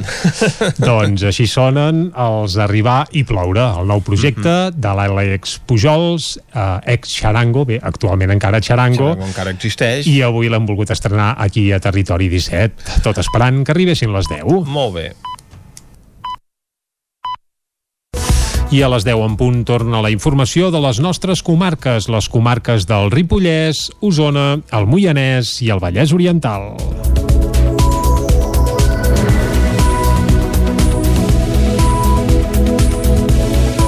Caldrà pagar per accedir a Fontalba i a les Gorgues del Freser i es limitarà el nombre de vehicles a 80 al dia. Isaac Muntades, des de la veu de Sant Joan. D'ara endavant, abans de Sant Joan i fins al mes d'octubre d'enguany, s'haurà de pagar per accedir en vehicle fins a Fontalba i a les Gorgues del Freser. Aquest és l'acord a què han arribat al Parc Natural de les Capçaleres del riu Esteri del Freser i l'Ajuntament de Caralps després que fa una setmana s'acabés el procés participatiu per decidir què s'havia de fer per protegir aquests paratges naturals i en què van participar-hi entre 40 i 50 persones d'àmbits molt diversos de Caralps. De moment encara no s'ha concretat quants diners costarà l'entrada a la carretera de Fontalba, però el director del parc, Santi Ferriol, sí que va acotar més el nombre de vehicles que podran pujar-hi, una xifra que va situar entre els 80 i els 100 cotxes al dia. Ferriol va assenyalar que no tenen cap afany recaptatori, ja que els diners acumulats serviran per mantenir l'accés a Fontalba. sí que hi ha unes despeses anuals de manteniment de la pista. Llavors, doncs, això ho paga l'Ajuntament. Estem parlant de 10-15.000 euros l'any que costa pues, arreglar la pista. Clar, passen tants vehicles, no, en compte que l'any passat, el, sembla que el 22 de juny, eh, tenim un pic de 800 vehicles a dalt a Fontal, només un dia. Sembla que va ser just després del desconfinament durant tot el mes d'agost, pics de 300, de 400, de 200, clar, hi ha una degradació de la, de la pista, llavors doncs, això requereix un manteniment. Independentment d'això, quan arribes a la Fontalba, eh, bé, això ja és una cosa més tècnica, no? però nosaltres treballem bàsicament amb, amb normativa europea i tenim la directiva Hàbitats que defineix uns hàbitats concrets i a, dintre d'aquests hàbitats hi ha el que són els hàbitats d'interès comunitari prioritari. Doncs a dalt a Fontalba tenim els prats de pèl caní, que són uns prats de qualitat de pastura relativament bona i que, clar, que tanta gent allà dalt doncs farà que aquests prats perdin la seva qualitat. No? Ferriol va puntualitzar que el 2020 va haver-hi menys visitants al parc durant tot l'any, però en canvi des de finals de juny fins a mitjans de setembre, coincidint amb el desconfinament de l'estiu, va produir-se un augment de les persones de més d'un 70%. Actualment, des del Parc Natural ja tenen instal·lats una sèrie de comptadors de vehicles i persones a punts estratègics com Fontalba. Aquest estiu es mesurarà aquesta freqüentació i es faran una sèrie d'entrevistes que donaran uns valors per saber quanta gent pot arribar a suportar un medi concret. El director del parc també va subratllar que a partir de l'estiu tindran completament senyalitzats els 19 itineraris interpretatius del parc amb els seus fulletons informatius corresponents amb recomanacions. Això ha de servir perquè la gent utilitzi els camins i no vagi per altres zones no marcades. L'últim ple de Cardedeu va aprovar dos canvis en la gestió de serveis municipals. D'una banda, el servei d'atenció domiciliària que passarà a gestionar-se des d'una entitat pública i de l'altra, el servei de recollida d'escombraries que passarà a gestionar-se des de C10 Serveis i Manteniments. David Auladell, de Ràdio Televisió Cardedeu. El ple municipal del mes d'abril ha aprovat dues noves mesures pel que fa a la gestió de diferents serveis municipals.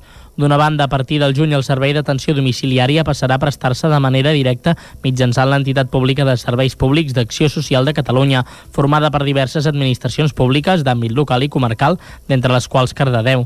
La coordinadora d'aquests serveis estarà ubicada a l'edifici de Can Borràs, fet que permetrà més agilitat en la comunicació de possibles incidències i més proximitat amb l'equip que presta els serveis de domicilis, un total de 51 persones actualment.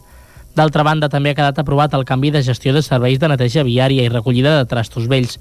El contracte de neteja viària que fins ara s'havia prestat de manera indirecta quedarà ara gestionat de manera directa per l'Ajuntament a través de l'empresa C10 Serveis i Manteniments. Un dels motius que ha fet que la mesura no compti amb el suport del PSC, que considera que l'empresa de serveis municipals no està oferint un bon servei fins al moment. Josep Quesada, primer secretari del PSC Cardedeu. En cap moment de l'expedient s'acredita que prestant el servei, el servei d'una manera, manera directa. Eh, aquest serà pel conjunt de veïns i veïns de Cardeu més, de més qualitat, més innovador, socialment més just i més eficaç i eficient. Això en cap moment en l'expedient resulta acreditat. I finalment, m'agradaria afegir un, una, una, quarta, una quarta causa que, que, que aquesta sí que, sí que és nova, és que entenem que eh, en el moment actual les encàrrecs de gestió en el CDEU ens els haurien de replantejar perquè ens sembla que no estan funcionant les coses com haurien de funcionar al C10 i que actualment que un servei el presti al C10 no és garantia en cap moment d'un millor servei. Tot i el posicionament del PSC, la majoria absoluta del ple considera la municipalització dels serveis com un avenç i com una manera de gestionar que ha de marcar el full de ruta d'aquest consistori. Al curs vinent, les escoles bressol municipals a Caldes de Montbui mantindran les quotes i la reducció de la ràtio. Caral Campàs, des d'Ona Codinenca. Amb motiu de l'inici del procés de preinscripció de les escoles bressol municipals de Caldes, del 10 al 21 de maig, el regidor d'Educació i els responsables dels centres han presentat el projecte educatiu d'aquests centres calderins. El curs 2021-2022 oferirà 148 places repartides en 12 grups d'alumnes. D'aquestes, 56 ja estan assignades a famílies que continuen i 92 estan vacants. Els grups mantindran la ràtio que es va instaurar aquest curs amb motiu de la pandèmia i per garantir una millor i més segura atenció als infants. Això suposa dos alumnes menys per grup, sis places al grup de lactants, 11 places als grups d'un a dos anys i 18 places als grups de dos a tres anys. Pep Busquets és regidor d'Educació. Eh, tenint en compte que pugen 56 alumnes antics, oferiríem 140 places vacants. Tot i així, volem continuar amb la reducció de ràtios que hem aplicat aquest curs com a mesura organitzativa eh, de prevenció contra la Covid i és per aquest motiu que de cara al curs vinent doncs, ofertem 148 places un cop descomptats els 56 alumnes, doncs eh, suposarien una oferta de 92 places vacants. D'acord? Tenint en compte les dades de prescripció dels cursos anteriors, doncs d'entrada hauríem de poder donar resposta sense problemes. El principal objectiu dels centres dedicats a l'etapa 03 serà complir amb rigor les mesures de prevenció de la Covid-19, mantenint alhora els projectes educatius de qualitat en els quals porten dècades treballant. Es mantindrà l'import de les quotes escolars que no han incrementat des del curs 2012-2013. A més, en cas del confinament de tot el grup Bombolla, ordenat pel Servei Epidemiològic, l'Ajuntament descomptarà de les quotes mensuals els dies en què els infants no han pogut assistir als centres. El director executiu del Mobile World Capital Barcelona des de l'any 2017, Carlos Grau, va ser el ponent ahir al matí d'una nova edició de l'Àgora d'Opinió, una iniciativa de creació, la Universitat de Vic, el Casino de Vic, el 99, el Consell Empresarial d'Osona i la Delegació d'Osona de la Cambra de Comerç de Barcelona. Amb el títol Les tecnologies del futur, noves tendències i serveis, la xerrada de Carlos Grau va girar a l'entorn dels reptes que suposen la pandèmia i la reconstrucció, el paper rellevant que hi pot tenir la tecnologia i les possibilitats que obre el 5G tant en l'economia com en la millora de la vida de les persones. Carlos Grau. Evidentment, eh, eh, s'erosionen llocs de treball, perquè tots aquells llocs de treball de tasques seqüencials repetitives de menys valor afegit són substituïts per robots. Però en general la utilització d'aquesta tecnologia genera un efecte de generació de més llocs de treball. El problema és que són llocs de treball diferents dels que, dels que hem destruït. Són llocs de treball que quina característica tenen? Requereixen més formació.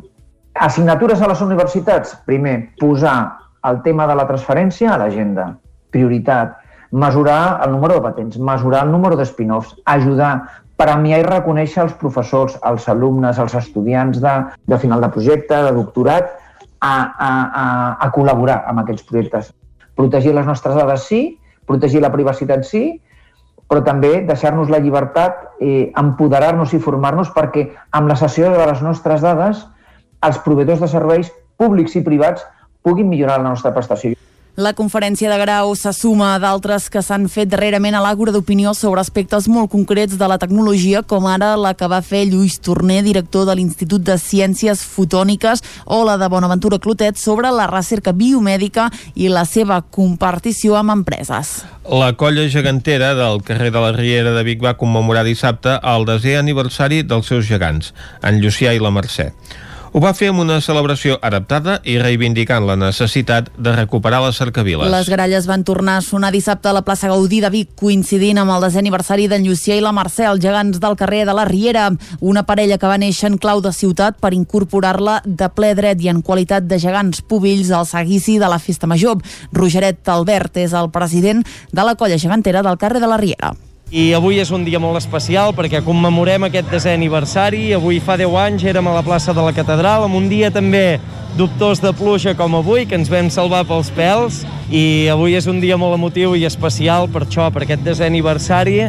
Uh, vam iniciar un camí aquell dia que va ser el de fer créixer i el de mantenir un caràcter seriós però alhora molt festiu i divertit. Una dècada després, la celebració es va haver d'adaptar al nou context. En un format estàtic, la colla gegantera reivindicava la necessitat de recuperar les arcaviles. Mari González és grallera del carrer de la Riera. El context de pandèmia ens fa adaptar a aquestes condicions. Ens haurà agradat molt fer un passacarrer perquè a la gent de Vic, quan, quan es veus voltar per, pel casc antic, li agrada molt veure gegants, s'ho passa molt bé i clar, això esperem que, que ho, ho podem tornar a fer algun dia perquè tenim moltes ganes de, de, de fer passacarrers. Avui intentarem fer lo màxim possible aquí perquè la gent s'ho passi bé. Esperem que vingui gent a veure la festa d'aniversari i de cara a l'any que ve doncs, fer el, el cercavila com Déu mana. A diferència d'ara fa 10 anys, hi van faltar les colles padrines dels gegants, la de Prats i la de Navàs. Aquesta vegada la festa es va reservar a la família gegantera del barri.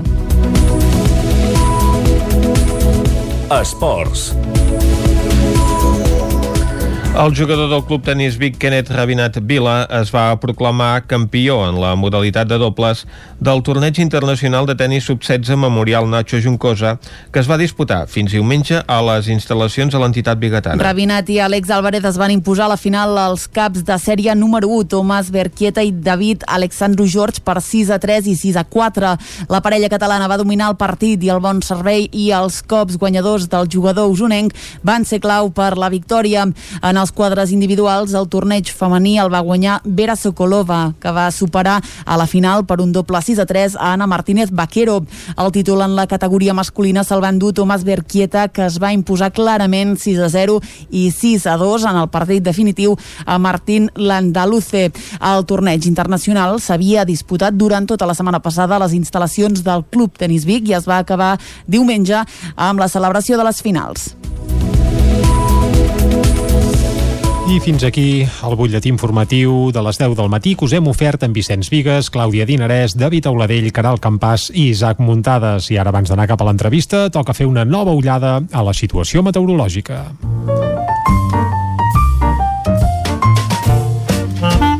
Casa Terradellos us ofereix el temps. I aquesta ullada la fem sempre amb la mirada del Pep Acosta. Pep, bon dia de nou. Molt bon dia. Molt bon dia. Hi ha bon un dia. ambient ja molt suau a aquesta hora i, i a aquesta hora encara més, però la nit també ha sigut bastant suau. Només ha glaçat una mica a molt alta muntanya, avui de Ter i zones pròximes de 1 sota 0, 6 graus de mínima a Sant Pau de Segúries, 5 a Molló, 5 a Puig de Zolles, però la majoria de les temperatures ja entre els 7 i els 12 graus. Es va notant que puja una mica de bombolla d'aire càlida del nord d'Àfrica i mica a mica es va instal·lant sobre nostra. Anem notant més i més ambient càlid cada vegada. Hi ha algun núvol al preditoral, ara mateix, però marxarà molt de pressa. Al migdia quedarà molt assolellat i només a la tarda creixeran algunes nuvolades cap al Pirineu. Ahir van deixar quatre gotes cap al Ripollès i avui a la tarda tampoc es descarten quatre gotes. Si és que arriben a caure, seran molt, molt poca cosa. De 1 a 2 litres, eh? Uh, res a veure amb les grans tempestes, com, dic, com sempre dic, de l'estiu. Res, molt poca cosa. Quatre gotes, si és que arriben a caure. I les temperatures encara més altes que les d'ahir. Jo crec que algun valor ja tocarem els 25 graus. Sota cap al prelitoral, però també a l'interior d'Osona, algun cap al Moianès, poder també els sectors més càlids poden tocar els 24-25 graus. Amb alguna nuvolada cap a les zones de muntanya del prelitoral, però sense cap conseqüència. Si hi ha una tempesteta només serà uh -huh. cap al Pirineu. I ja veieu, anem de pressa aquests dies, hi ha molt poc moviment, sembla que de cara a cada setmana es pot posar una mica més interessant, però veurem què passa, eh? la primavera és així, eh? d'un dia a l'altre pot variar moltíssim. Moltes gràcies, fins demà! Adeu. Vinga, gràcies a tu, Pep. Demà més meteorologia i aviam si ens pots avançar alguna cosa del cap de setmana, que ara sembla que, pinta, que pintava bé i ha ens alertes que poden venir canvis. Ostres, sempre venen al cap de setmana cap els de canvis, setmana. eh? El moment d'anar a fer el vol o de quan d'allò i patapumba. Aviam si el tenim passat per aigua. Com però serà això... que dissabte no el salvem? Uh, esperem-ho, esperem-ho, desitgem-ho. Uh, però bé, que faci el que Sant Pere vulgui, si vol obrir l'aixeta que l'obri, que també fa falta. Ja ens ho explicava el Manel Dot, una mica d'aigua sempre va bé. Tanquem ara així la pàgina meteorològica i anem de seguida cap a l'entrevista. Casa Tarradellas us ha ofert aquest espai. Territori 17. Envia'ns les teves notes de veu per WhatsApp al 646 079 023. 646 079 023. WhatsApp Territori 17.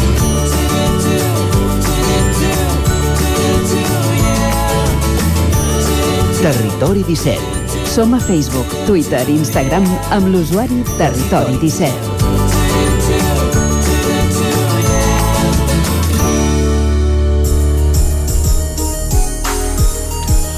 Ara mateix és un quart d'onze. Aquest divendres, des de l'entitat Carleteu Vital i amb la col·laboració de les AFA i AMPA del poble, s'ha organitzat conjuntament amb diferents escoles del país la revolta escolar per tal de reclamar una major pacificació als entorns escolars, menys contaminació i menys soroll. Per reivindicar tot això, a Cardedeu s'ha creat, eh, eh, creat una massa crítica, és a dir, una bicicletada per reclamar tots aquests drets de ciclistes i vianants i sobretot els dels infants i promoure així un model de poble més sostenible. Anem doncs cap a Cardedeu, a Ràdio Cardedeu. Ens espera l'Òscar Muñoz. Bon dia, Òscar. Bon dia, Vicenç. Doncs sí, avui parlem amb la Maria Vidal, membre de l'associació Cardedeu Vital. Bon dia, Maria. Bon dia. Com hem comentat al començament, l'entrevista... Bueno, l'entitat Cardedeu Vital, amb la col·laboració de la SAFA i AMPA del poble, em, us havíeu adherit a la revolta aquesta escolar. Ens podries comentar com funciona aquesta iniciativa uns 5 cèntims? Eh, doncs nosaltres fa temps que anàvem veient com la revolta escolar es va escampant, perquè ja arribava a 11 ciutats i dèiem, home, a Cardedeu tenim moltes ganes de que hi arribi i, i estem molt, molt contents de que, de que s'hi hagin adherit les AMPAs no només de les cinc escoles, sinó dels tres instituts i de les dues escoles bressol, o sigui, tots els centres ed- educatius de Cardedeu. Uh -huh. I eh, quin recorregut teniu previst fer amb aquesta marxa? Com funcionarà exactament? Doncs el divendres, a la sortida de l'escola, des de les cinc escoles de primària hi haurà gent que, que s'agruparà per pedalar cap a, junts cap a la, bueno, ca- des de cada escola fins a la plaça Alzina i des d'allà es farà un recorregut tots junts per Cardedeu. Per què creieu... Exacte. Per què creieu que és important fer-ho d'aquesta manera, no? amb aquestes reivindicacions? A què et refereixes amb aquesta... Uh, Amb, amb, la, amb la marxa, amb la pedalada, eh, heu com, contactat amb l'Ajuntament, eh, no us han fet cas, eh, heu de fer aquestes iniciatives perquè donar més visualització en, amb aquesta iniciativa? Uh, no, no, bueno, uh, a Barcelona el que fan és que tallen, tallen els carrers, en el, els Mhm, que fan revolta sí. escolar. Nosaltres ho hem, hem adaptat la, la protesta, la reivindicació una mica a, a, a nivell de Cardedeu, perquè és veritat que els, els darrers anys s'han estat fent unes actuacions de pacificació a, a, al voltant de les escoles, bueno, sempre hi hauria millores a fer, però que s'han anat fent coses, però, però allò, el que volíem reivindicar ara era que falta connexió amb alguns barris de Cardedeu. Ara bueno, s'ha demostrat que a les escoles, quan tenen el carril bici, realment hi ha molt, molta massa de gent que va a l'escola en bicicleta, però hi ha barris on ens arriben queixes de que la gent encara no pot arribar, o, o equipaments o, o a parcs. I llavors per això hem fet la, en lloc de fer un tall més, més Mhm. quiet, hem volgut fer un recorregut per anar veient, anirem passant per tots els punts que reivindiquem. Uh -huh. I per reivindicar alhora doncs, que augmentin aquests eh, carrils bici a Cardedeu i tothom doncs, qui es vulgui desplaçar per la població en bicicleta ho pugui fer sense problemes. Sí, nosaltres reivindiquem perquè de vegades hi ha gent que pensa que, que els carrers, que, tal com estan ara, ja hi poden anar bicicletes, però de vegades quan es pensa en una bicicleta es pensa en un adult Uh -huh. que va en bicicleta, però nosaltres reivindiquem que l'espai públic hi ha també els infants de 3 anys que han de poder anar per algun lloc. El persona, aquí a Cardedeu és molt maco que també hi ha molts avis i àvies que van en bicicleta i que ens diuen que no se senten segurs amb, tal com estan els carrers actualment. I llavors reivindiquem tant carril bici com, com pacificació de carrers, com ara uh, s'ha s'ha proposat una nova figura que és el carrer bici, que em sembla també molt interessant, Uh -huh. per, perquè no, no tots els carrers hi cap, hi cap un carril bici, és una manera de compartir el carrer molt, molt bona. Uh -huh. Perquè Cardedeu doncs, des de fa anys eh, s'ha implantat aquest model de Cardedeu en bici i a peu, però vosaltres reivindiqueu canvis no? en aquest sentit i millores? O sigui, és, és seguir avançant. Nosaltres veiem que, que, els, que els canvis que s'han fet anteriorment han tingut resposta, han tingut un augment de demanda molt gran. Ara ja tothom que es passegi per Cardeu pot veure que hi ha hagut un augment de bicis molt significatiu i llavors considerem que això ens, ens, ens anima a seguir avançant cap, a, cap aquí. Vull dir que quan fas infraestructura se t'omple de bicicletes, i és això el que veiem, que va a favor de... I nosaltres diem que això també va a favor de les persones que necessiten en un moment puntual desplaçar-se amb cotxe, perquè un poble congestionat de cotxes tampoc ajuda a ningú, ni tan sols els que es desplacen amb cotxe. I per tant defensaríeu que, que doncs, eh, també s'implantés un model de carrers per vianants, no? Que els cotxes no tinguessin preferències, sinó els vianants. Sí, uh, bueno, hi, ha, hi ha diverses tipologies, hi ha carrers que es poden fer completament de vianants, que sempre els cotxes dels veïns i, i a una velocitat reduïda sempre poden passar.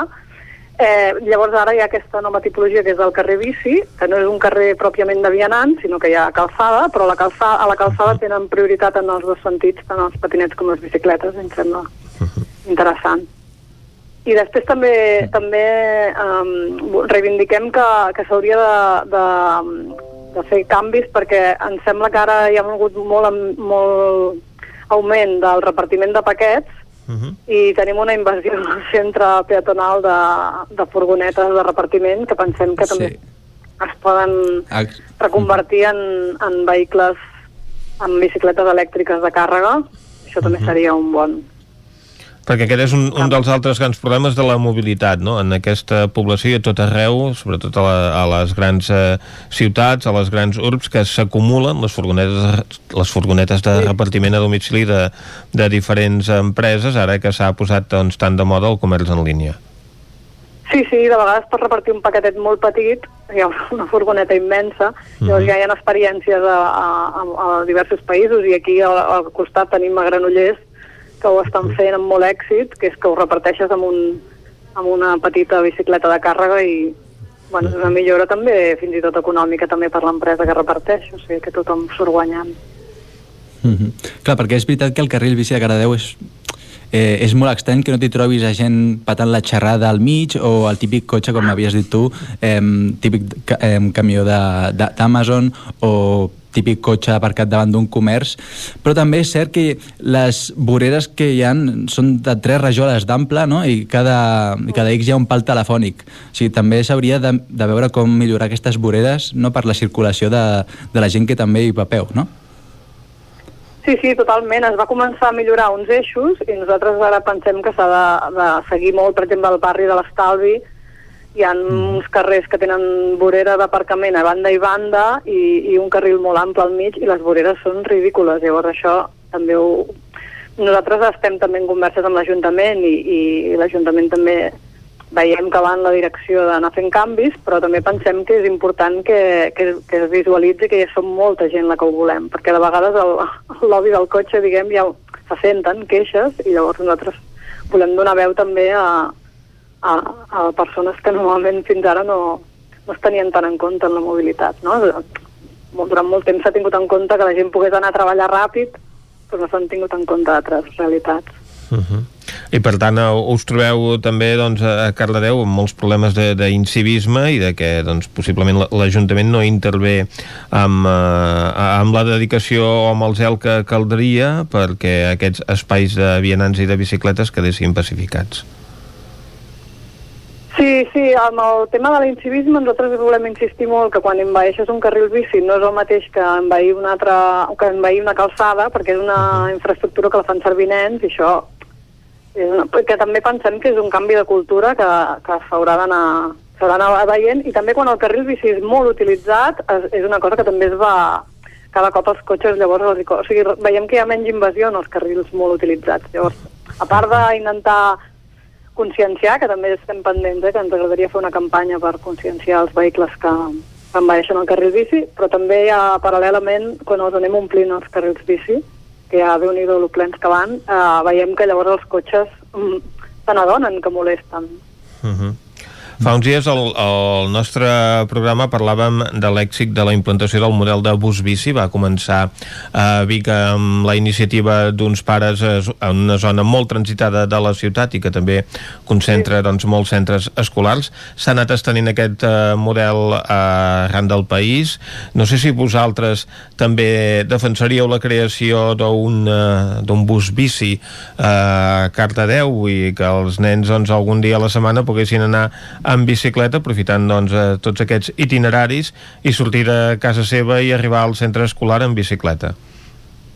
Nosaltres som superfans, ens encanta aquesta iniciativa del bus bici, estem en contacte amb Osona en bici, els admirem moltíssim i, i sí, sí, hem començat les primeres converses aquí a Cardedeu per poder, ens faria molta il·lusió també tenir línies. I havíem fet alguna experiència fa uns anys que fèiem els dimecres en bici a l'escola, uh -huh però no, no, no ho vam mantenir tant en el temps i ara veiem que, que estaria bé tornar-hi a donar un impuls, ens encantaria. Si hi ha algú de Cardedeu que escolta i es vol dirigir a Cardedeu Vital, estem buscant gent perquè, perquè això, perquè el, els bus bici necessiten sobretot motors impulsors que ho mantinguin en el temps. Uh -huh perquè des del vostre col·lectiu heu anat organitzant paral·lades reivindicatives al marc de l'activitat prevista per aquest eh, divendres. Ja el, la vostra senya d'identitat doncs, és organitzar aquest tipus d'activitats que potser ara a conseqüència de la pandèmia doncs, havia quedat tots una mica més aturat.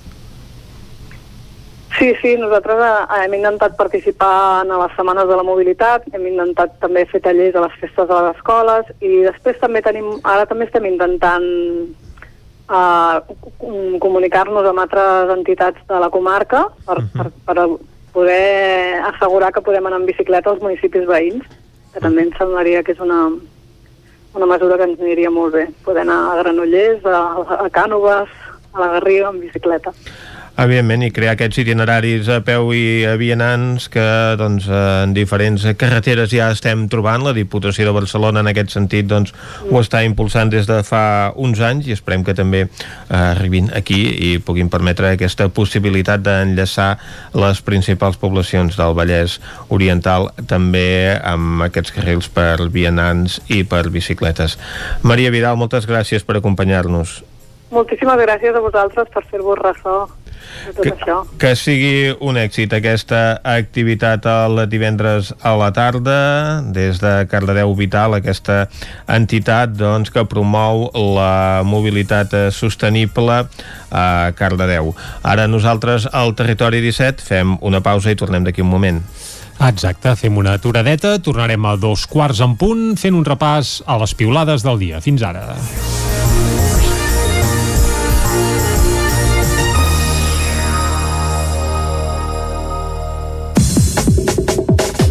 La ràdio de casa al 92.8.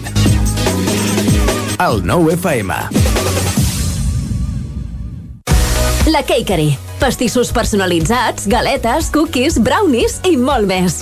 Ens trobaràs a Vic, al carrer de Gurb 34 Baixos, al telèfon 93 886 70 51 i també a Instagram i Facebook.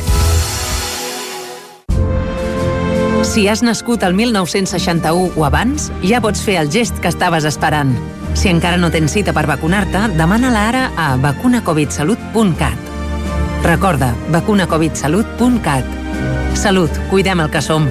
Catalunya 2030, Generalitat de Catalunya. Cocodril Club. Si t'agrada la bona música dels anys 60, 70 i 80, escolta el 9 FM als matins de dissabtes i diumenges d'11 a 1. És el temps del Cocodril Club, tot un clàssic de la ràdio, amb les bases del pop-rock, les llegendes, les cançons que s'han convertit en autèntics himnes. Recorda, dissabtes i diumenges al matí, d'11 a 1, al 9 FM 92.8. Cocodril Club, el programa revival de l'Albert Malla. Hasta luego, cocodrilo. Xalant, moda i complements. Nova temporada primavera-estiu. Moda home-dona, nen-nena, sabates, bosses de mà, maletes, complements i molt més. Vine a veure, ens trobaràs una secció d'ofertes amb roba de la temporada passada a 10 euros i 19 euros. Vine a Can Xalant, ens trobaràs al carrer Sant Tomàs número 6 de Call d'Atenes. També a Instagram i Facebook. Hi ha sensacions que són úniques. Aquell bany relaxant, mirar per la finestra quan plou i com les calderes Bailand, que li ofereixen fins a 15 anys de cobertura total amb el servei tècnic oficial Bailand. Informis a Oficiat Nord trucant al 93 886 0040. Amb el servei tècnic oficial de Bailand, la seva caldera estarà en les millors mans. Anuncia't al 9FM. La màquina de casa. 9 3 8 8 9 4 9 4 9. Publicitat arroba al 9FM.cat. Anuncia't al 9FM. La publicitat més eficaç. A Corretja tenim tot el que necessites per la teva llar. Tot tipus de paviments i revestiments, sistemes d'aïllament, cobertes, parquets, aixetes, ferreteria, pintures, fixació i cargoleria, vestuari i material de seguretat. Disposem de més de 3.500 metres quadrats d'exposició amb una nova zona exterior d'aïllaments. A Corretja som especialistes en cuines i banys. Us assessorem, dissenyem i realitzem el projecte des de l'inici fins a la fi del muntatge. 100% cuines, 100% banys. Al carrer Mas Vigues 8 de Vic, a corretja-sl.com o a Instagram. 100% materials per la construcció i la decoració. 100% corretja. El nou FM, el nou FM, el nou FM, el nou FM, el nou FM. Són dos quarts d'onze i ja tenim a punt l'Isaac Moreno per llegir els tuits de la jornada. Isaac, bon dia. I bona hora. Miren molt cap a Madrid, aquests tuits? Força bastant. Doncs a veure què diuen. Per exemple, la Teresa Rossell es mira la pel·lícula Los Santos Inocentes i ho piula així mateix. Lo- Los Santos, però en rotllo cognom d'aquell junt, no? radiofonista, Mhm. Inocentes. Uh, Joan Canadell, el missatge polític a Madrid és clar, la gent vol que els ajudin, que baixem impostos, que potenciem l'economia i no vol una administració pública que ho decideixi tot i que ens fa pagar els impostos. L'esquerra espanyola s'ha equivocat i la catalana segueix el mateix camí. Pim-pam. Uh, Lluís Argemí ja ha arribat Sant Martín i aquí comparteix una imatge d'Edmundo Val que diu enhorabuena Edmundo Val impressionant i el mateix Argemí fa una altra piolada que diu Respect Pablo Iglesias sobre Iglesias també Josep Lluís Garcia això del Pablo sí que és una jugada mestra perquè estava tot premeditat, descansi políticament en pau o Iñaki Escudero ha resultat que Pablo Iglesias era un tipus força decent Miquel R. Poques vegades la paraula llibertat ha sonat tan buida. Etiqueta Madrid 4M. O hi ha dies que només es pot plorar, diu l'Anna Pont. Amb la victòria del PP i Vox, a Madrid ja podem donar per morta i enterrada la taula de diàleg. Lluís Bové. Montse Iats, i jo sé que no es pot simplificar perquè em fa l'efecte que això pas, que passa a Madrid és el que passa quan els polítics deixen de fer política de debò, quan la misèria creix, quan la gent està emprenyada, quan fem del teó de personatges populistes. A Osona en tenim experiència.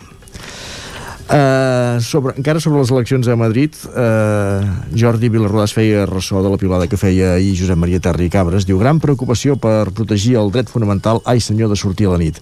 Cap preocupació per protegir la llibertat d'expressió manifestació, treball o habitatge. Anem bé, i aquí en Vilarrodà que deia aquí la clava el professor Terri Cabres. Del tot, del tot la crava.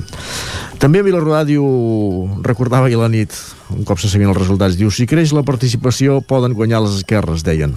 Doncs ja es va veure Pep Acosta diu no és pitjor la gentada d'avui a Gènova que el dinar d'ahir a Can Messi? Passarà alguna cosa o hi fotem collons ja o ens trepitjaran sempre i cada dia més fort?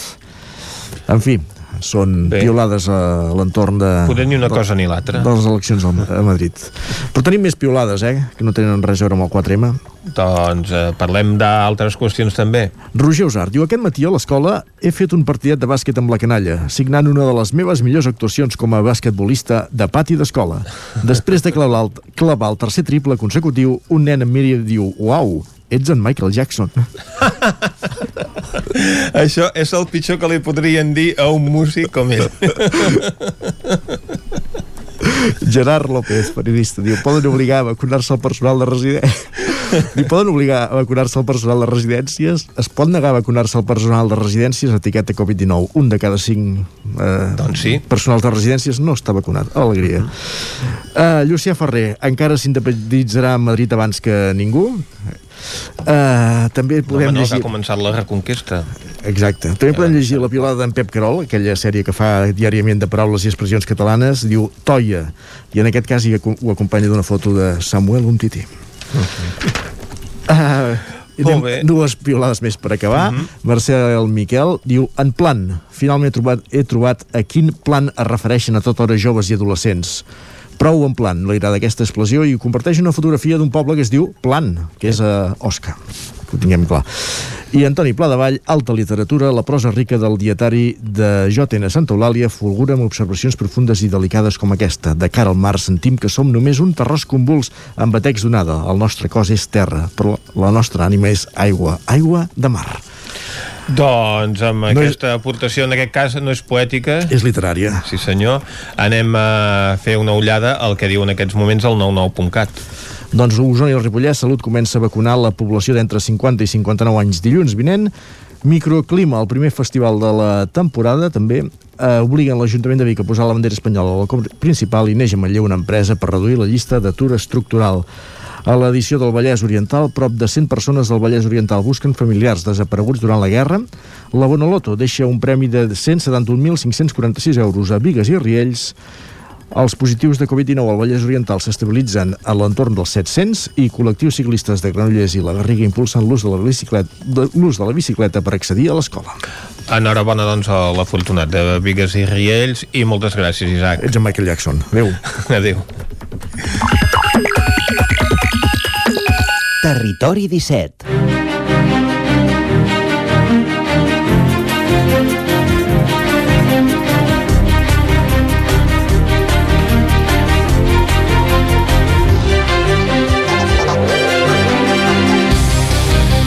Arriba el moment de la taula de redacció al Territori 17, avui amb en Guillem Freixa i en Jordi Vilarrodà.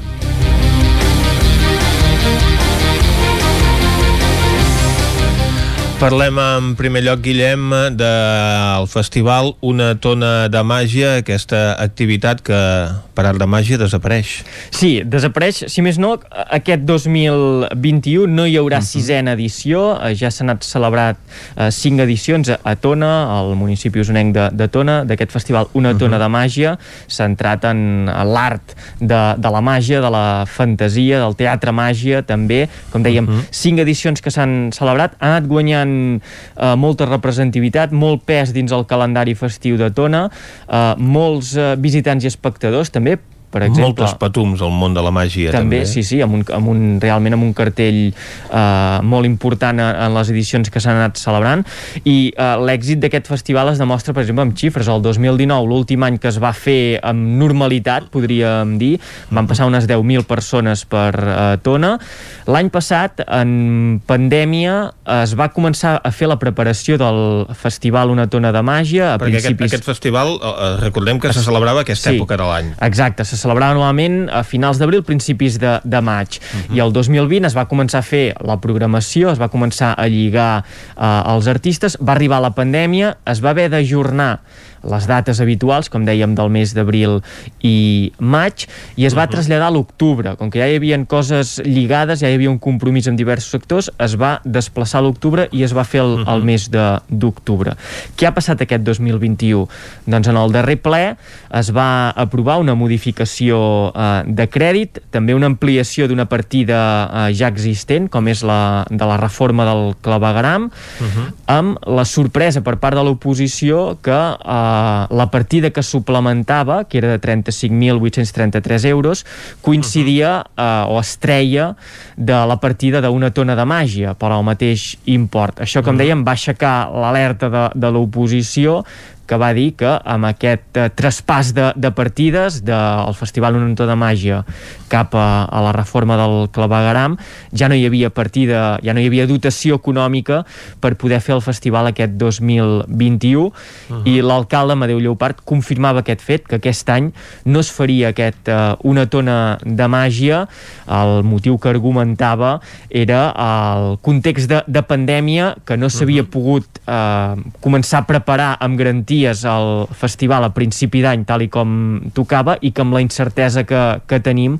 tampoc es podia ajornar per més endavant, que en aquesta ocasió, tal i com ha passat amb tantes altres festes del municipi, perquè, per mhm. exemple, uh -huh. la Fira Joc Joc no es va fer, la Festa Major de Sant Andreu de Tona doncs, va quedar eh, molt, molt, molt llimada, la d'estiu sí que es va poder recuperar alguna cosa, però que tot el calendari festiu de Tona ha patit eh, canvis o ha quedat llimat i que en aquest 2021 una tona de màgia doncs, també, també li passaria el, el mateix i de moment no es, no es feia en aquest 2021. Sí que va agafar el compromís de recuperar-ho de cara a l'any que ve, de cara al 2022, quan s'espera que la situació en general, eh, tant a nivell sanitari com a nivell dels ajuntaments, sigui eh, més normalitzada uh -huh. i es pugui eh, tornar a, a celebrar. Com deia més això, eh? Tona està treballant en pressupost prorrogat, per tant, cada mes ha d'anar veient um, com va dotant econòmicament les partides que són imprescindibles de, uh mhm. -huh. de pagar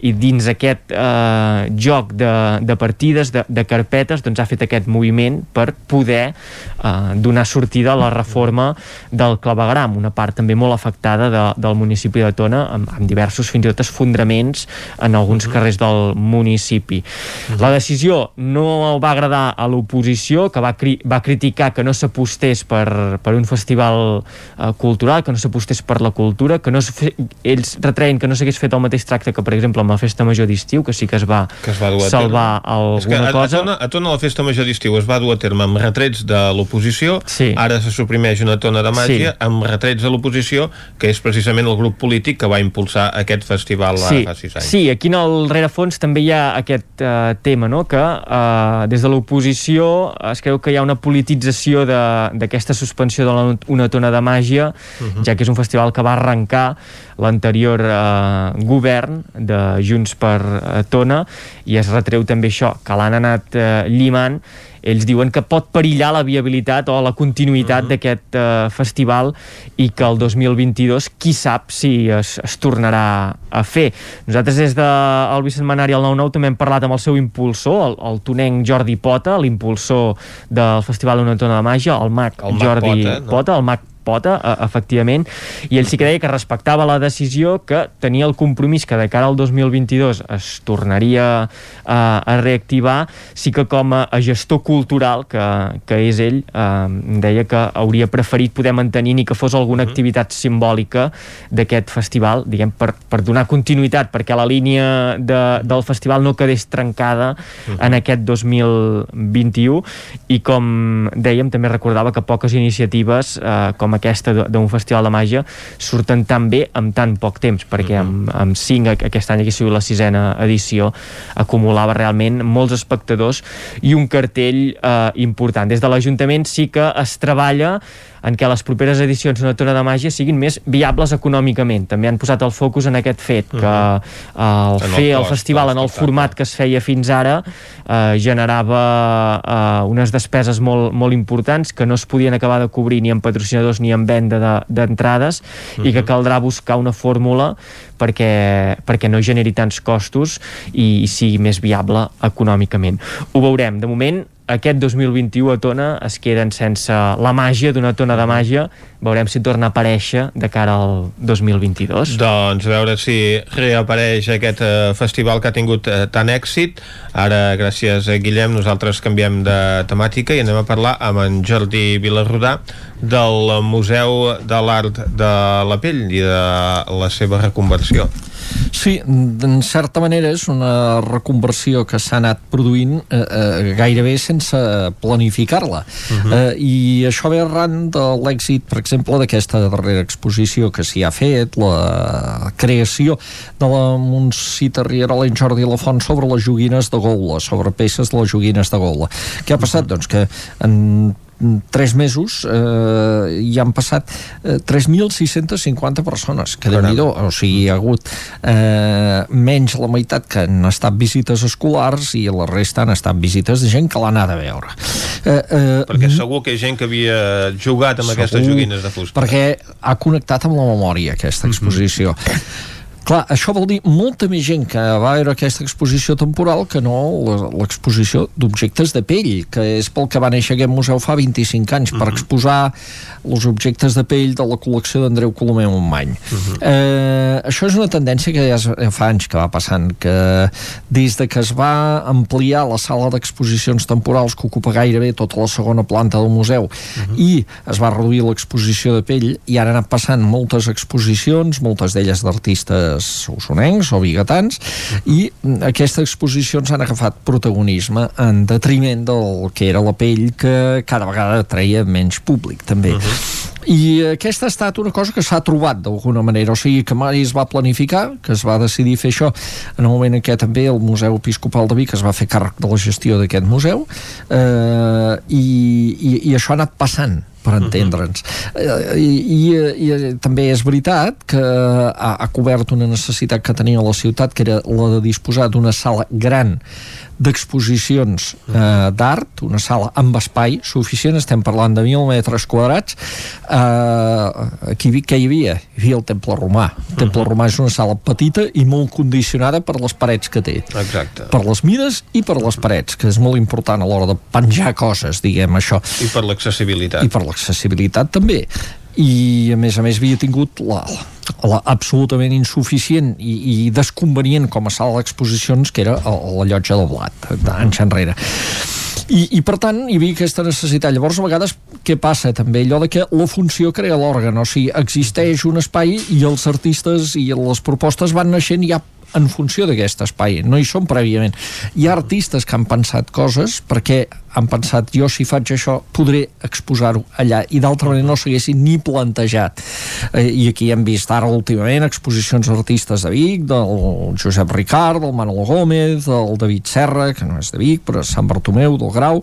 Hem vist exposicions que eh, aquests artistes ja les han pensades en formats grans han pogut exposar coses que no havien exposat mai.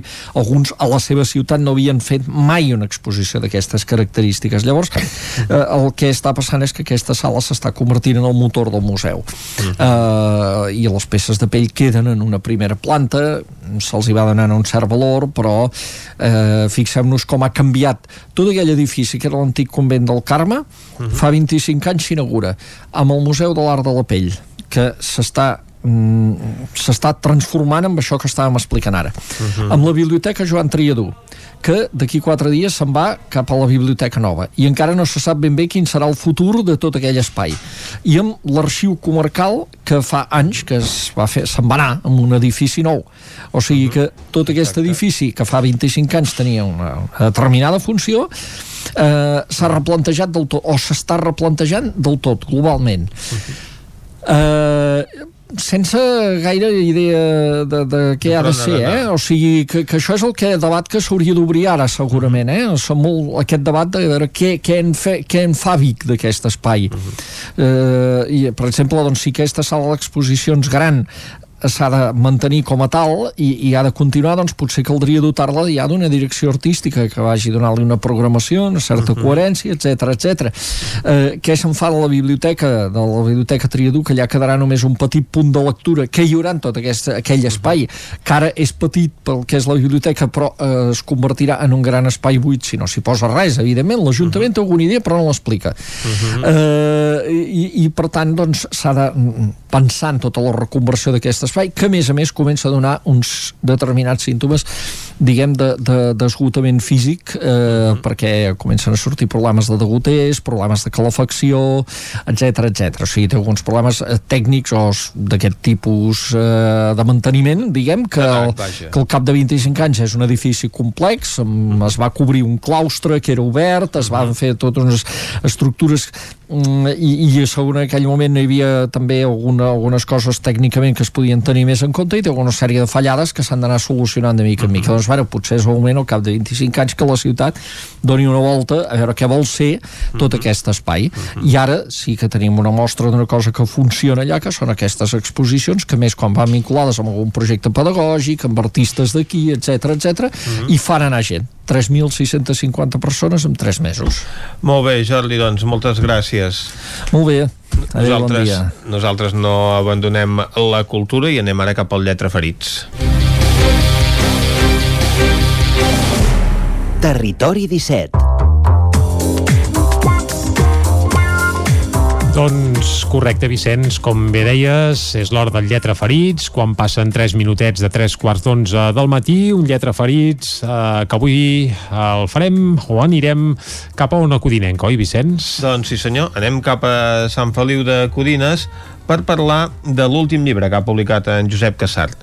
S'anomena Clorat de potassa i va ser publicat aquest 2020. És un recull d'articles que sorgeixen de la columna quinzenal de Cassart que publica cada 15 dies al 9-9 del Vallès Oriental, una secció que porta el mateix nom que el llibre. Anem doncs cap a una codinenca amb la Caral Campàs. Bon dia, Caral. Bon dia, Vicenç. Doncs sí, parlem de clorat de potassa amb Josep Cassart, que és escriptor i comunicador. Bon dia, Josep. Hola, bon dia. Des del mi- 2019 tenim entès que col·labores al 99 Vallès Oriental amb la secció Clorat de Potassa. Com va sorgir la idea de fer aquest recull en format llibre? Doncs mira, eh, jo en principi llibres de, més o menys de l'estil d'aquest, de, del clorat de potassa, ja n'havia fet mm, tres, val? O sigui, de, de històries curtes, de el que en diuen els anglesos short stories, no? I és un gènere que m'agrada molt, i eh, la, la col·laboració amb el 99 va sorgir a través d'un escrit d'un teòleg de Sant Feliu, Castellet, que bueno, parlava d'en Sebastià Farnés, un personatge històric de Sant Feliu, parlem del 1800 i escaig, i mm, jo li vaig, entre cometes, replicar una mica el, una de les coses que havia escrit i, i, i de més, no? I és així va ser quan va començar la, la, la col·laboració amb el 9-9. A partir d'aquell escrit meu, eh, home, se'm va proposar si volia doncs, fer-ho eh, això, doncs, cada 15 dies i efectivament així es va sortir la, la secció aquesta de clorat de potassa. I eh, aqu- aquest nom d'on ve? Quin, e- quin és l'origen del nom d'aquesta secció i també del títol del llibre? Sí. A veure, el nom, eh, jo recordo que sobre, què diré jo, els anys 60 o així, hi havia unes pastilles que venien a la farmàcia, que eren pastilles de clorat de potassa. Aquestes pastilles eh, jo, jo les havia vist utilitzar pels cantants per, per, Per la veu. la gent, per la veu, efectivament. Són unes pastilles que el que fan és aclarir la veu, eh? ni més ni menys, no? I, I bé, li vaig posar doncs, aquest nom, amb, eh, una mica simbòlic, amb el, amb el sentit de dir, doncs, eh, això aclareix, aclareixo, vull aclarir, diguem-ne, vull donar veu a una sèrie de coses, no? És així. El llibre, co- el llibre compta amb un recull de, de més d'una quarantena d'articles i la gran majoria, eh, o, o tots, versen sobre espais, curiositats, persones o històries relacionades amb Sant Feliu de Codines. També hi ha alguns temes del Moianès i d'altres llocs, però sobretot podem dir que Sant Feliu és el denominador comú. Eh, per què aquesta fixació per Sant Feliu de Codines? No, bueno, fixació, no sé si fixació. La, la veritat és que tots els articles, que en aquest cas eh, al llibre hi ha molta cosa, molts articles històrics. És dir, eh, el que jo solia escriure abans eren històries eh, que eren anècdotes, diguem-ne, i eren més contemporànies. Llavors el llibre tira més enrere, mm, sobretot, eh, diguem-ne, del, del, del gruix, el que és el gruix dels 40 articles, la, la majoria doncs, són eh, força històrics. No? Eh, bé, eh, el que em preguntaves, mm, efectivament, tot acaba eh, morint a Sant Feliu, no? el que jo en dic l'estació Terminus. No? Tot, tot va a parar eh, a Sant Feliu. I per què? Bueno, perquè és el que jo conec, és des d'on sóc fill i, i, en fi, de les històries que a lo millor m'han començat a explicar, doncs després l'he anat, he anat buscant la seva història, l'he desenrotllat, etc. Eh? Per això, mm, per això es- bàsicament està centrat sobretot en Sant Feliu de Codines, clar. Uh -huh. Perquè com, com et documentes? Sempre eh, sols parlar de temes molt concrets i poc coneguts. El- Bé, coneguts depèn, eh? Per Mhm. exemple, quan jo parlo del doctor Robert, doncs és un personatge molt conegut. Mhm. Quan parlo de Prat de la Riba, no diguem. Eh, quan, en fi, i llavors n'hi han de, sí, sí, de molt coneguts, d'altres potser que no tant, però bé, doncs et documento molt doncs, amb llibres, amb, amb fons històrics, amb hemeroteca eh, d'ella, etc. Així. A, a la introducció del recull, Jesús Medina, director del 9-9, et defineix com un arqueòleg de la vida quotidiana. Uh, T'hi sents identificat? Sí, eh, el, el que digui el Xus va, per mi va a missa. O sigui, sí, m'hi sento identificat, efectivament, sí, sí. Un arqueòleg de la vida quotidiana, sí. Amb aquest recull d'articles doncs, traces un recorregut al llarg dels anys el que ha anat passant a Sant Feliu de Codines i el lector a través d'històries concretes en pot fer una visió global. En un dels articles parles de la colònia naturista de Solanes, a la masia de Solanes, un dels espais més coneguts del poble que fa anys havia sigut un sanatori naturista. Sí, sí, sí. Uh, un sanatori naturista i que comença uh, pel Sant Iberi, els que ara són, uh, són un imperi en el que és el, el, els aliments naturals, diguem-ne, uh, i llavors l'avi Sant Iberi allà funda doncs, aquest, uh, aquest sanatori naturista. No? Uh, després això ho continua el que serà el seu gendre, que és el doctor Ferrandis. Eh? I per tant, doncs, bueno, s'instal·len aquí, podríem dir, la primera colònia naturista d'Espanya, Uh -huh. a Sant Feliu de Codines. Val, això era una, una masia, una casa de pagès, i, i ja et dic, i, i allí, pues, imagina't, el que és la bassa de la masia és on t'hi van muntar la piscina, no sé, pels clients, no, però havies d'apartar algun ànec que, que anava per allà. I això va suposar algun escàndol?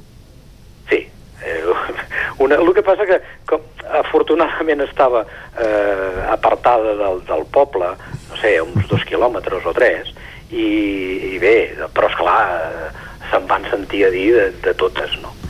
Eh, hi va haver-hi el, el que era el metge de capçalera de, del poble, que era el doctor Tomàs Borrell, que el, bueno, el van agafar doncs, per ser el, el metge, diguem-ne, de, de, de, de primers remeis de, de, del sanatori, no? Uh -huh. Però vaja que sí, sí, la, la, el poble, diguem, evidentment, el poble anava ple i, i esclar, eh, anaven a banyar-se nusos a la riera, i prenien el sol conillets, eh, i esclar, era un escàndol, sí.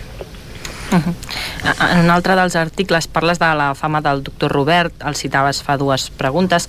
Um, el doctor Robert recomanava a Sant Feliu a alguns pacients, oi?, per, per anar-hi? A veure, el, sí, el, el doctor Robert eh, tenia um, la clientela més selecta de Barcelona, no? Però eh, ell era estomatòleg, és dir, n -n -n eh, n més aviat el, el, que sí tocava el tema dels malalts de, de pit, que en deien, que volia asmàtics i de més, era un tal doctor Reventós. Val? Aquest segur que recomanava pels seus aires sants i això Sant Feliu. El doctor Robert, en canvi, la cosa queda més tangencial. O sigui, eh, és molt possible que tingués algun dels seus pacients i bueno, que li pogués recomanar Sant Feliu, però penseu que el doctor Robert, la seva casa d'estiueig la tenia a Camprodon. Així és que, uh -huh. que a Sant Feliu... El que passa que sí és veritat que, com que el doctor Robert va tenir una història eh, molt potent, va ser alcalde de Barcelona, va ser el que es va oposar en, el, en els pagaments que es feia quan va fer el, el famós tancament de caixes, val? Eh, doncs el poble català que li va erigir llavors el famós monument que estava a la plaça Universitat de Barcelona, un monument que es va pagar per qüestió popular, diguem-ne. Mm, Sant Feliu també eh, el, el, el, el, li va donar un, del, un nom a una de les places del poble, no? la plaça del doctor Robert. Però bé, això van ser molts pobles de Catalunya. Eh, mm. bueno, ara no, no vull enumerar la llista de pobles que hi ha, que tenen una plaça o carrer amb el nom de doctor Robert, igual que Sant Feliu. Però, diguem, no, el que no es pot dir és que jo no he vist cap, cap recepta diguem del doctor Robert que recomanés a Sant Feliu. No? Ara bé, eh, aquests pobles que ja tenien eh, aquest aire sa i aquest clima sec, no? com podien ser Sant Feliu, després hi havia els pobles balneari, com podien ser la Garriga, Caldes de Montbui, bueno, doncs això ho recomanaven els metges. Eh? Uh -huh. A la població van coincidir persones amb un, amb un gran reconeixement, va ser per la ubicació, per la fama que va adquirir Sant Feliu amb els estiuejants? Sí, sí, sí. En aquí doncs, va pujar, mm, en fi, de, de, de Barcelona, de Sabadell, eh, diguem-ne, la, la, la floinata de la burgesia eh, d'aquell moment.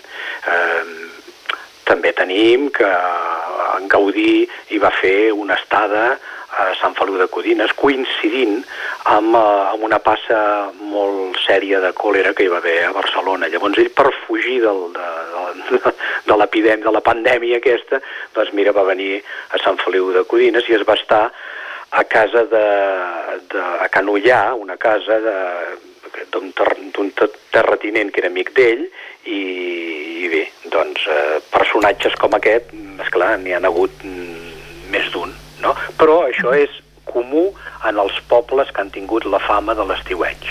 Eh? Uh -huh. O sigui, si anéssim a la Garriga ens trobaríem tres quarts del mateix. Eh? El teu eh, estil és gairebé poètic. Eh, tot el que narres es basa en fets reals o, o també hi ha ficció? No, hi ha de tot. Eh, hi ha molts fets reals, però que llavors, eh, és clar, els passo pel meu sedàs i algunes coses són eh, de ficció, eh, eh, és evident, eh? O sigui que quan, quan toques la història, en aquí no pots enganyar gaire, eh? o, o procures no enganyar, no? Eh, ets fidel a la història, però llavors el que és l'anècdota, ah, ai senyor, qui lo sa, saps? Ara eh, deu costar a vegades no trobar, trobar els temes, potser hi ha algun moment doncs, que, que s'ha de rumiar no? per trobar algun tema del qual parlar. Sí, um, de vegades costa, però eh, sempre trobes petites pistes, petits indicis, no? de vegades parlant amb una persona, no? Escolta, hi va una vegada que no sé què, i a partir d'aquí tires del fil i, clar, jo, diguem-ne, me'n surto molt bé eh, amb coses de Sant Feliu, no? Que sembla que, que siguin inesgotables, que no s'acabin mai. Clar, si ho hagués de fer això d'una altra localitat, ja veuríem, no? Eh? No seria tan fàcil, vaja. Mm, tot, aquest llibre és un recull, com comentàvem, d'articles. Uh, no sé si ens podries comentar quins són els teus articulis, articulistes o escriptors de referència. Sí, mira, a mi, per exemple, els, com a autors de relats curts, diguem-ne, m'agrada molt, uh, i de tota la vida. Hi ha en Quim Monzó, en Sergi Pàmies, eh, en Ferran Torrent, per exemple. Eh, poetes, doncs mira, la Maria Mercè Marçal i el Joan Margarit, tots dos ja no hi són pobres, no? Eh, llibres d'història, doncs, què diré jo, Martí de Riquer, l'Agustí Alcoberro, l'Antoni Pladevall... Eh, bé, doncs, eh, aquests són els, eh, uns que em surten així eh, de raig i, i, i que, i que m'agrada, no? Però, esclar, són molts i molts, eh? Has publicat una desena de llibres, no només reculls, sinó que són de temàtiques molt diverses, fins sí. i tot biografies musicals. Sí, sí, sí, sí, sí. Mira, lo, lo de les biografies musicals comença eh, a l'any 78. Jo vaig eh, estar de, com a cap de comunicació al, al famós, bueno, famós sí, a l'antic Celeste de Barcelona. L, el Celeste era una sala de música, de jazz i tal, el que ara, el que després es va convertir en el conegut Rasmatàs. Uh -huh. val? Va canviar d'ubicació el Rasmatàs. Eh? Bé, doncs eh, en aquí com a cap de comunicació de, bueno, doncs m'encarregava de la premsa, de, de, de les ràdios, les televisions, i eh, fins i tot hi havia un espai de Ràdio Joventut a Barcelona que el 1979 doncs, jo hi portava totes les notícies de lo que era la, la música eh, laietana, diguem. Uh -huh. no? eh, aquí, eh, arrel de la meva feina aquesta a Celeste, doncs, aquí nosaltres portàvem el manejament de músics de casa nostra, en Pau Riba, Cisa, en Toti Soler, eh, Tete Montoliu, Jordi Sabatés, bueno. Eh, doncs eh, va ser arrel d'això que vaig començar a col·laborar amb la revista musical, una revista que encara és viva, que es diu Popular Uno, mm. val? i és una revista històrica, eh, aquesta. Llavors, eh, arrel d'això, vaig fer aquests eh, tres llibres, bueno, millor dit, eh, dos llibres de, de música, però el primer d'ells va ser un pròleg pel llibre Tope Rock. Val? Uh -huh. Després vaig escriure tot això el 1990. Eh, després vaig escriure Crack Rock, que és un llibre de biografies musicals de grups internacionals, contemporanis, i per últim i per encàrrec, l'editorial Raima em va dir a veure si faria el llibre del nou rock català, i que, que així vaig fer, que són biografies i lletres de cançons de, bueno, dels grups així, que en aquell moment eren, estaven al, en el candeler, diguem-ne, no? en sopa de cabra, els pets, sang traït, doble buble, i així uh -huh. va anar. Eh? Uh -huh. Però això és gràcies, diguem-ne, eh? a la meva experiència en el camp musical, eh? uh -huh. que vaig fer aquests llibres. Sí. Doncs eh, Josep Casart, arqueòleg de la vida quotidiana, moltes gràcies per acompanyar-nos avui. Moltes gràcies a vosaltres. Eh? Amb ell hem protagonitzat aquest espai de literatura, el Lletra Ferits, d'aquest dimecres al Territori 17.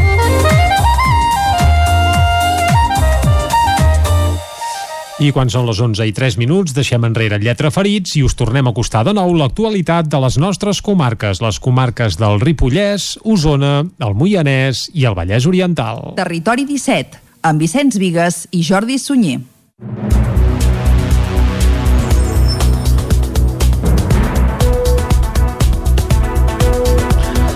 Després d'una primera incorporació de 4 milions i mig d'euros del romanent de tresoreria, l'Ajuntament de Vic ha aprovat destinar mig milió d'euros més del romanent a reimpulsar la ciutat i pal·liar els efectes de la crisi del coronavirus. La cultura, el turisme i l'esport i l'activitat física són els, són els sectors en què l'Ajuntament de Vic posa el focus en el segon paquet econòmic provinent del romanent de tresoreria per reactivar l'activitat de la ciutat dels 550.000 euros, dels 551.000 euros que, que ara s'incorporen, 85.000 seran per l'edició del So de les Cases d'aquest 2021, que s'adapta a la situació de pandèmia i per la programació d'activitats culturals d'estiu. 75.000 euros es destinaran a una campanya per, potenci per potenciar les pernoctacions en hotels de Vic, amb entrades en equipaments culturals, i 45.000 a una fira nova que vincularà esport i salut. Ho detalla Núria Oms, regidora d'Economia i Serveis Generals de l'Ajuntament de Vic. És la principal prioritat que des del govern de la ciutat tenim, que és reactivar tots els sectors econòmics per tal d'anar recuperant a poc a poc aquesta normalitat.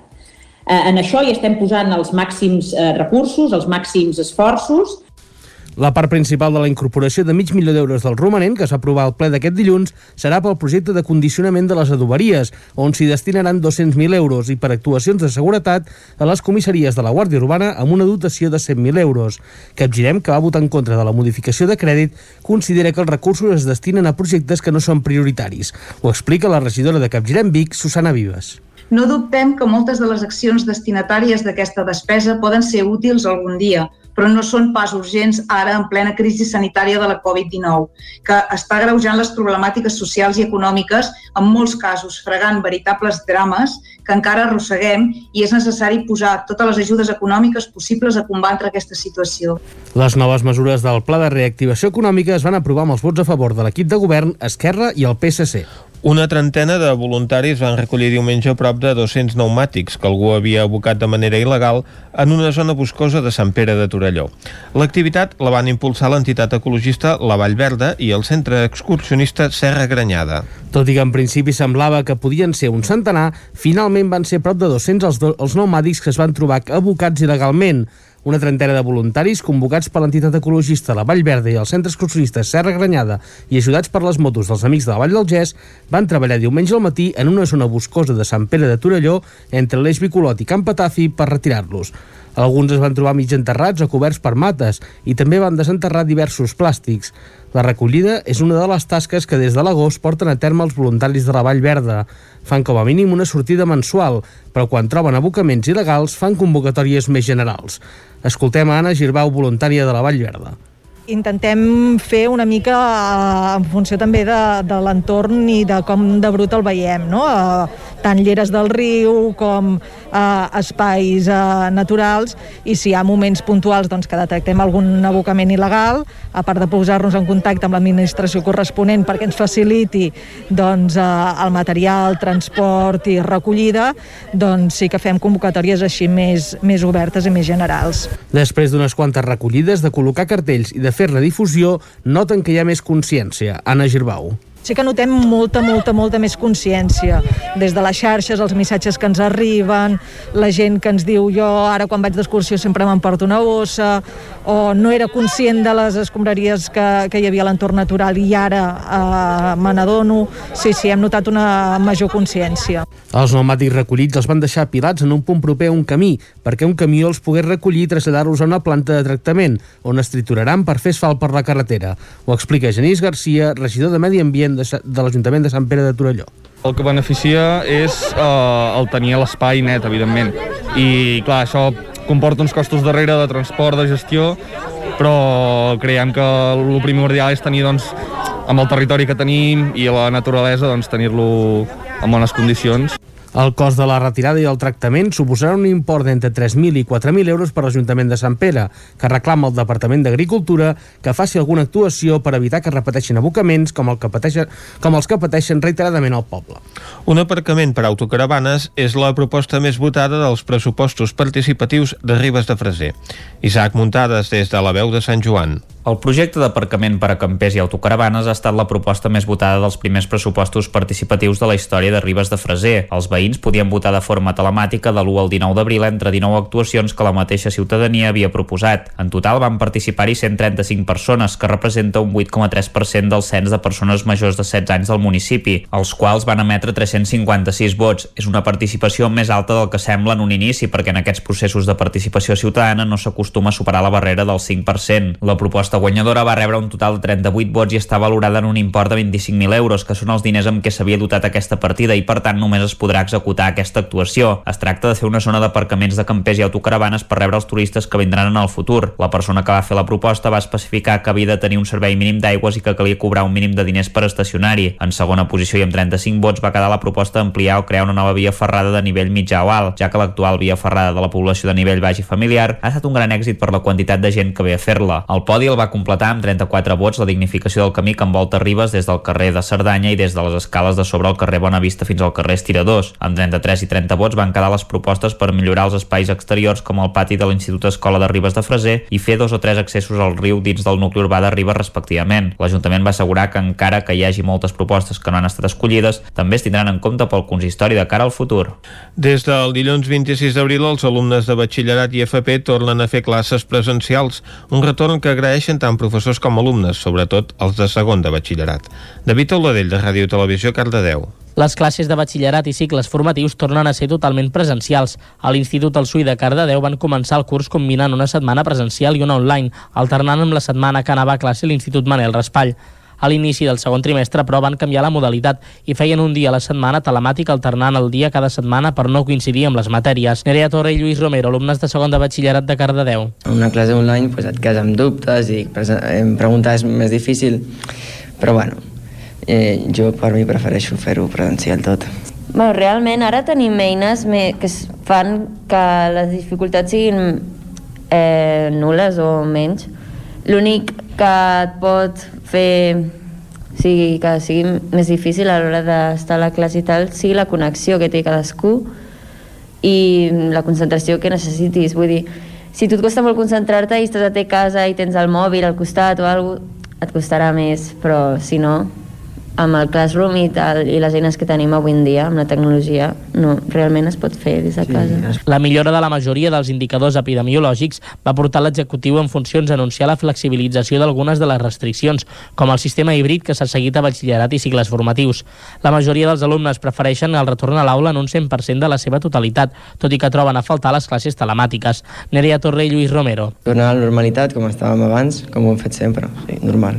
Sí, potser algun dia sí que despertar-te, fer classe en pijama des de casa i despertar-te més tard doncs a vegades t'anava bé, però vulguis o no, sempre ho hem fet així, llavors va bé tornar a la normalitat. Malgrat que molts s'han acostumat a fer les classes en línia, el retorn a l'aula és ben rebut, sobretot pels alumnes de segon de batxillerat que tenen la vista posada en la selectivitat. Caldes de Montbui i la població francesa de Saint-Paul-d'Edà celebraran l'agermanament entre els dos municipis amb una caminada. Es tracta de completar, simbòlicament, els 514 quilòmetres que separen les dues poblacions. Caral Campàs, des d'Ona Codinenca. Aquest proper diumenge 9 de maig es celebra el Dia d'Europa per reforçar l'agermanament que vincula Caldes i la localitat francesa de Saint-Paul-les-Dax des de fa 9 anys. L'Ajuntament ha organitzat una activitat que es farà paral·lelament als dos municipis. Entre el 9 i el 16 de maig es convida la ciutadania de Caldes a fer un recorregut d'anada i tornada fins al poblat de la Torre Roja, en total 6,4 quilòmetres. Per la seva banda, els veïns del municipi francès que ho vulguin faran un recorregut de dos quilòmetres i mig al voltant del llac de Cristus, al centre de la vila. L'objectiu és que els ciutadans d'un i d'altre municipi sumin els 514 quilòmetres que separen les dues poblacions. En parlava Núria Carné, regidora d'Esports i d'Europa. Tot plegat sorgeix doncs, d'unes reunions amb l'entitat del comitè de jubilats que hi ha a França, a Sant Pol Dax, que és el, un poble germanat doncs, amb Caldes, aviat farem 10 anys, i arran doncs, de parlar una mica de com estava anant tot, amb el confinament, amb que no es poden fer viatges i tot això, no? Um, i que ells sempre dediquen una setmana sencera a celebrar el Dia d'Europa, es va pensar de fer una activitat conjunta en la que ells i nosaltres intentarem recórrer a peu la distància que separa els dos municipis, però de manera simbòlica. Aquesta iniciativa s'anomena Sumem quilòmetres i busca enfortir el vincle entre les dues poblacions després d'una llarga aturada imposada per la pandèmia. Des del 9 i fins al 16 de maig, tothom qui vulgui participar de fer-se una foto en algun moment del recorregut o bé enviar una fotografia del registre dels quilòmetres fets. Per comptabilitzar els quilòmetres de cada participant o grups de participants, cal publicar la imatge a Instagram amb les etiquetes hashtag sumem quilòmetres o hashtag SPLEDcaldes i arroba esports caldesm. D'altra banda, també es pot enviar la fotografia per correu electrònic a la regidoria d'Esports de Caldes. No és necessari fer tot el recorregut per comptabilitzar els quilòmetres. I fins aquí el butlletí informatiu de les 11 del matí que us hem ofert amb les veus de Vicenç Vigues, Arnau Jaumira, David Auladell, Caral Campàs i Isaac Muntades. I ara el que ens toca fer aquí a Territori 17 és anar cap al territori sostenible. Cada setmana en Jordi Givert ens acosta alguna realitat vinculada sobretot al món eh, agroforestal. Avui em sembla que ens parlarà de vi i ens n'anirem fins a Vinyó. Uh, Anem-hi amb en Jordi Givert, Territori Sostenible.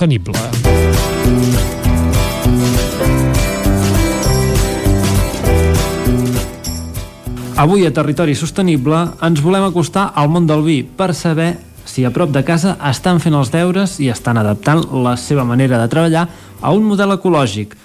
De fet, en Llorenç, un enòleg biguetà, ens ha convidat al seu celler, Les Acàcies, a Vinyó, al Pla de Bages, on estan preparant-se per aconseguir tots els certificats per poder garantir que treballen amb una òptica ecològica.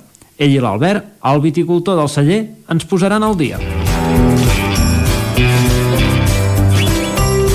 L'Albert i el Llorenç en reben al celler Les Acàcies, situat entre el Bages i el Lluçanès, en una masia, encara en el terme municipal de Vinyó. Després d'una visita ràpida per les instal·lacions, en Llorenç ens comença a explicar la història del seu projecte. Bé, el projecte de les acàcies doncs, eh, neix ara ja fa uns anys, doncs fa uns 7-8 anys. El que passa és que no es considera com a celler a nivell comercial, a nivell de que surtin els vins al mercat, fins a relativament aquests últims 3-4 anys. Vale?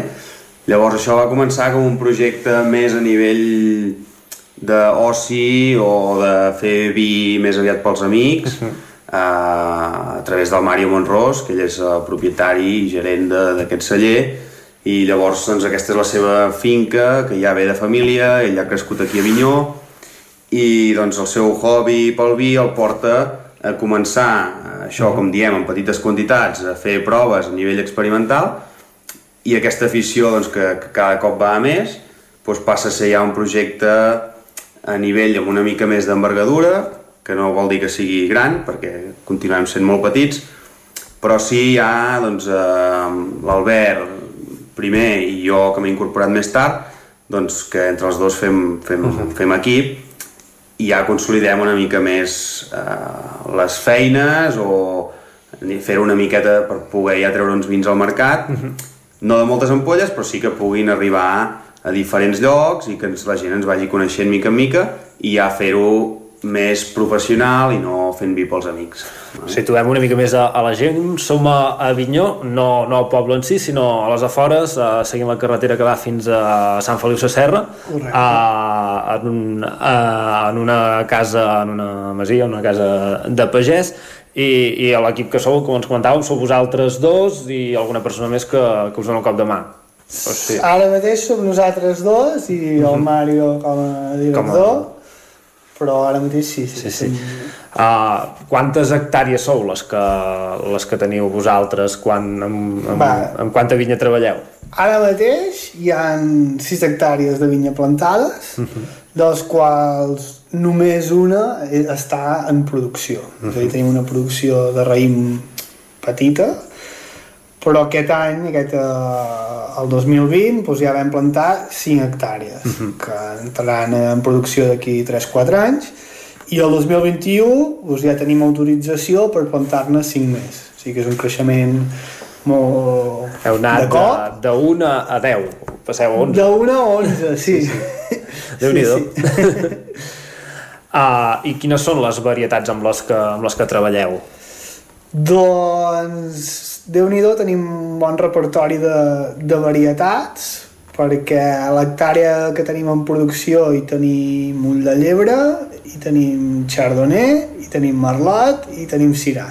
Uh -huh. O sigui que ja, ja uh, tenim. I llavors, uh -huh. aquestes són diguéssim que... que són una mica varietats i més internacionals, tot uh -huh. i que moltes pues, ja han, han tingut un bon arrelament al Pla de Bages, Llavors, del que hem plantat, incorporem varietats com són la garnatxa negra, el mandó, uh -huh. i llavors hi haurà sumoll, picapoll blanc i picapoll negre. I macabeu. I macabeu. Uh, a l'hora, com, com us ho feu a l'hora de triar la, les varietats? O sigui, deixem reduir molt les primeres que veu, que veu plantar d'aquesta primera hectàrea. Com, com és que veu apostar per aquestes varietats? Bueno, aquesta primera hectàrea eh, es va plantar, de fet, abans de que arribéssim uh -huh. eh, nosaltres dos. I, bueno, una mica al gust de, del Mario, que en, en aquells moments pues, tenia aquests interessos. Ara, quan aquest any vam plantar la, la, les altres cinc, doncs, bueno, vam fer bastant debat, vam, vam provar molts vins i vins d'aquí al Bages, dir quins perfils segons la varietat, mirant una mica la zona on estem, mm. que també és una mica concreta, bueno, és una zona concreta Quina, del Bages. Quines particularitats té la, la zona on esteu vosaltres? Oh, doncs aquí anem una mica més tard, eh, mm-hmm. tant a l'entrada de brotació com a, com a maduració del raïm. Mm-hmm. -huh. Això és una particularitat. Llavors també tenim una mica de risc de glaçada aquí. Uh mm-hmm. Clar, no, no esteu ben bé al, al pla de Bages, però tampoc sou al, al sostre de... No, no sou Santa Maria d'Oló, Sant Miquel, per exemple, que està allà als 800 i pico, clar. o algun altre celler que hi ha més cap a... No, però en canvi sí que som dels que estem bastant més al nord. Sí, -huh. En alçada no, però en... Uh, en, en latitud en sou el, esteu més cap al nord, és veritat. Som bastant dels que estem més al nord. No sé si el Canès, sí, però... gairebé esteu tocant ja el Lluçanès, diguem-ne. Sí. De... sí, sí, sí. Uh -huh. Bueno, això també al final pot ser una, una desavantatge a nivell, com deia l'Albert, de, de glaçades, per exemple, que no ens, no, evidentment no ens juga a favor, però després aquest clima, aquestes maduracions més lentes uh -huh. i anem a collir també doncs, més tard que, que per exemple aquí a Artés uh -huh. o, o inclús eh, que a Badal, que són sí. els nostres veïns que estan aquí mateix, però la mica de diferència aquesta de horta de vinyó no? que sí, sí. i a més a més que estan un, un palet més amunt amb aquesta diferència nostra, que no és gaire però que, que es nota, a vegades anem una setmana inclús més tard que ells a l'hora de collir. -huh Llavors això no és ni bo ni dolent, sinó que és, és diferent, no? Ens dona unes maduracions un pèl potser una mica més lentes i un estil de vins doncs, eh, un pèl també diferents i això doncs, intentarem que ens jugui al nostre favor, és a dir, en el sentit d'elaborar vins més frescos, eh, amb més fruita, més expressius, i llavors això poder voldrà dir canviar algunes altres coses, com pot ser les criances amb, amb fusta, amb barriques, doncs igual reduir-les una mica, o anar a buscar més l'expressió d'aquí a Vinyó i intentar, doncs, ja que tenim unes particularitats a nivell de clima i a nivell de situació, doncs aprofitar-les i, i fer vins també més especials o més únics. No? Us anava a, a, a preguntar, perquè avui eh, volíem parlar una mica del tema de, de l'ecologia. Són, són vins ecològics el, els que feu? Nosaltres actualment, tot i que ho hem parlat i que hem decidit que volem inscriure'ns al, al CCPAE, que és el Consell Regulador de, de Catalunya de l'Agricultura Ecològica, encara no hem entrat a, als tràmits. Llavors, de moment no estem inscrits, i, però sí que la tendència als treballs que fem a, a la vinya és a, a fer treballs que entrarien, diguéssim, dintre del... Uh -huh d'aquestes pràctiques. Com dic, de moment encara no estan inscrits i, i hi ha hagut algun cop que podem fer algun, algun tractament o així, però en general anem cap a l'ecològic i alhora eh, inclús ens agradaria fer un, un, un pas més i de fet amb això ja hem començat una mica i intentem fer un treball que respecti i que potenci i que regeneri, regeneri la vida del sol perquè entenem que és la manera de tenir raïms més de qualitat i, i alhora contribuir també a capturar carboni, una lluita cap, amb el, contra el canvi climàtic i sí que anem fent passos cap aquí. Treballem també molt en preparats vegetals, a reproduir microorganismes del bosc que els apliquem a la vinya per tal que hi hagi com una fauna al mateix sol que, que ens ajudi i que ens potenciï la, l'expressió de, de, del lloc on estem. Clar, per, per fer una mica de pedagogia, per considerar que un vi és ecològic, què, què no hem de fer servir? O sigui, què, com hem de treballar? Què és el, què és el que no hi pots posar a, en el vi? O com l'has de treballar a la vinya? Principalment, uh, no fer servir uh, sistèmics a l'hora de tractar contra els fongs. Uh -huh. Això aquest any ha estat un any molt complicat sí, uh, per tots els viticultors perquè la part ecològica pues, s'ha mostrat una mica feble amb la climatologia que hem tingut i, i, i molta gent pues, ha perdut uh, part important de, del raïm i per l'altre no fer servir uh,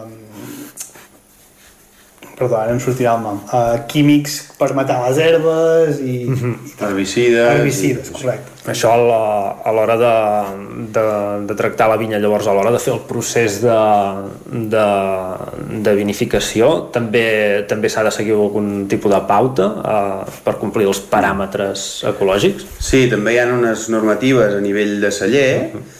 Uh, tot i que s'ha de dir que són més fàcils de complir a nivell de celler que no pas a nivell de vinya. A nivell de vinya, com és lògic, és molt més estricte uh -huh. i tot això que comenta l'Albert, no? a nivell de químics, sistèmics, herbicides i de més, que això doncs, sí que ho miren molt i a més a més control de la deriva, no? que la deriva vol dir que pot ser que tinguis un viticultor que faci servir productes químics a 5 quilòmetres d'on estàs tu, que dius, bueno, això és impossible que, que passi res. I t'arriba. I pot ser que t'arribi per deriva i t'analitzen i et poden mirar i, i tens hi ha hagut viticultors i, i pagesos que han tingut problemes d'aquest tipus, no? Uh -huh. que ells treballen en ecològic, però, degut a la deriva, els han analitzat, la fulla, els han trobat alguna resta d'algun producte químic. Uh -huh.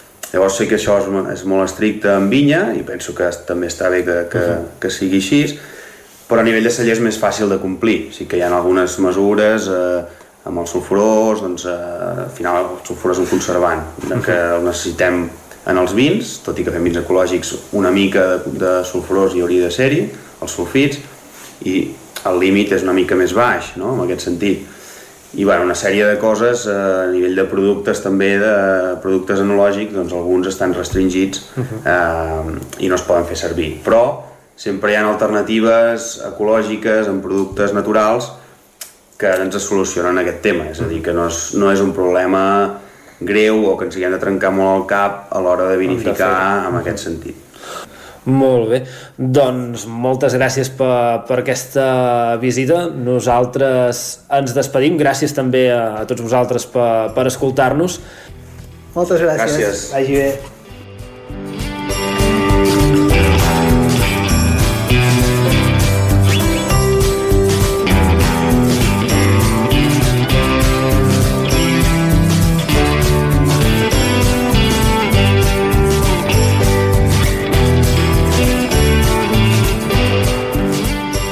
Territori 17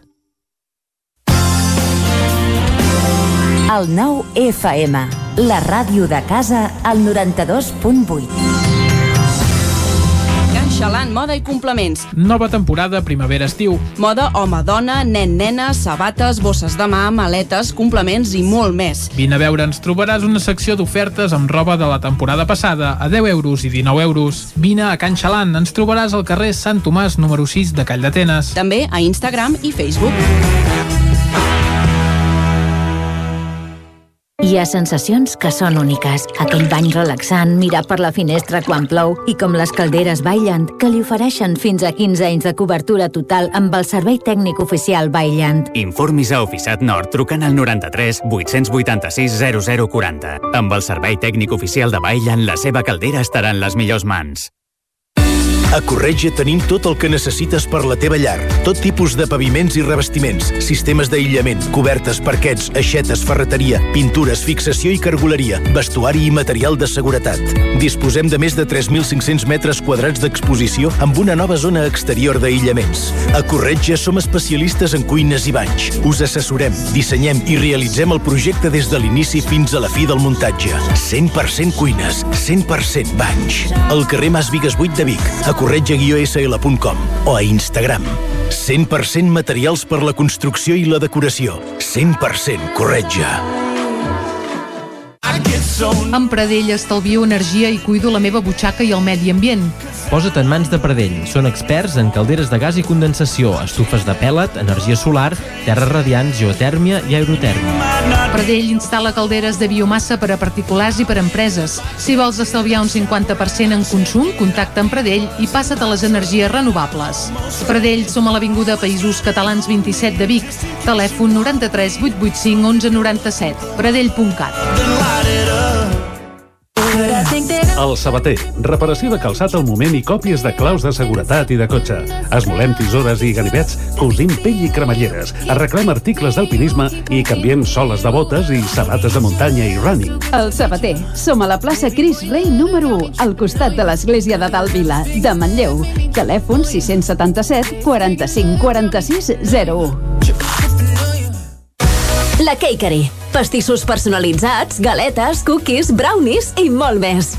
Ens trobaràs a Vic, al carrer de Gurb 34 Baixos, al telèfon 93 886 70 51 i també a Instagram i Facebook. El 9 FM. La ràdio de casa al 92.8.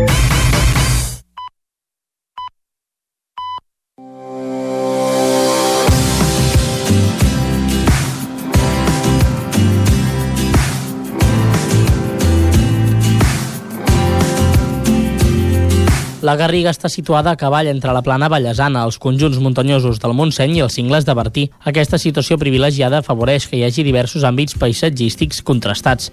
La diversitat paisatgística ha fet de la Garriga un municipi ric en espècies arbòries. Donant una primera ullada al nucli urbà i els seus voltants, te n'adones ràpidament que els arbres protagonitzen el paisatge, ja que s'hi afegeixen nombrosos jardins privats i l'espai més emblemàtic del municipi, el passeig.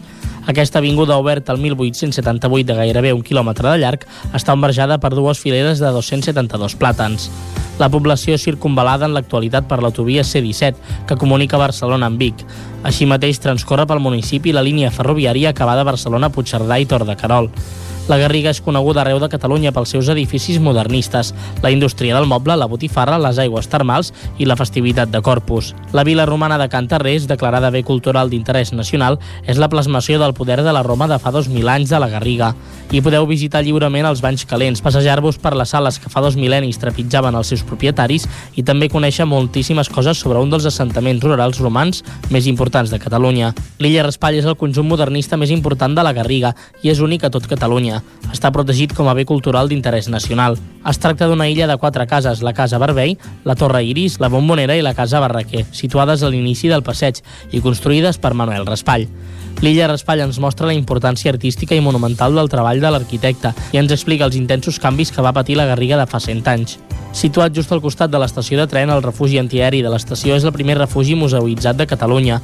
Es tracta d'un refugi excepcionalment ben conservat, excavat directament a la roca granítica, amb més de 110 metres de galeries.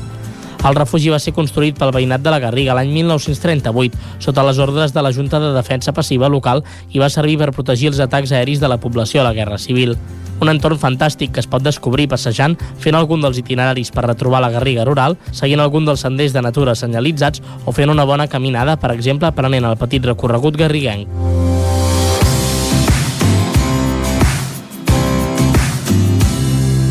Territori 17 i la Garriga sí que té estació de tren. Ahir, ahir vam anar a Lluçà i evidentment no cal pas que ens hi aturem amb tren perquè el Lluçanès eh, és complicat, però avui a la Garriga ens va ideal per anar cap a la Trenc d'Alba, oi que sí? Doncs sí senyor. Doncs ens hi enfilem, va, anem-hi. A Trenc d'Alba, edició pandèmia.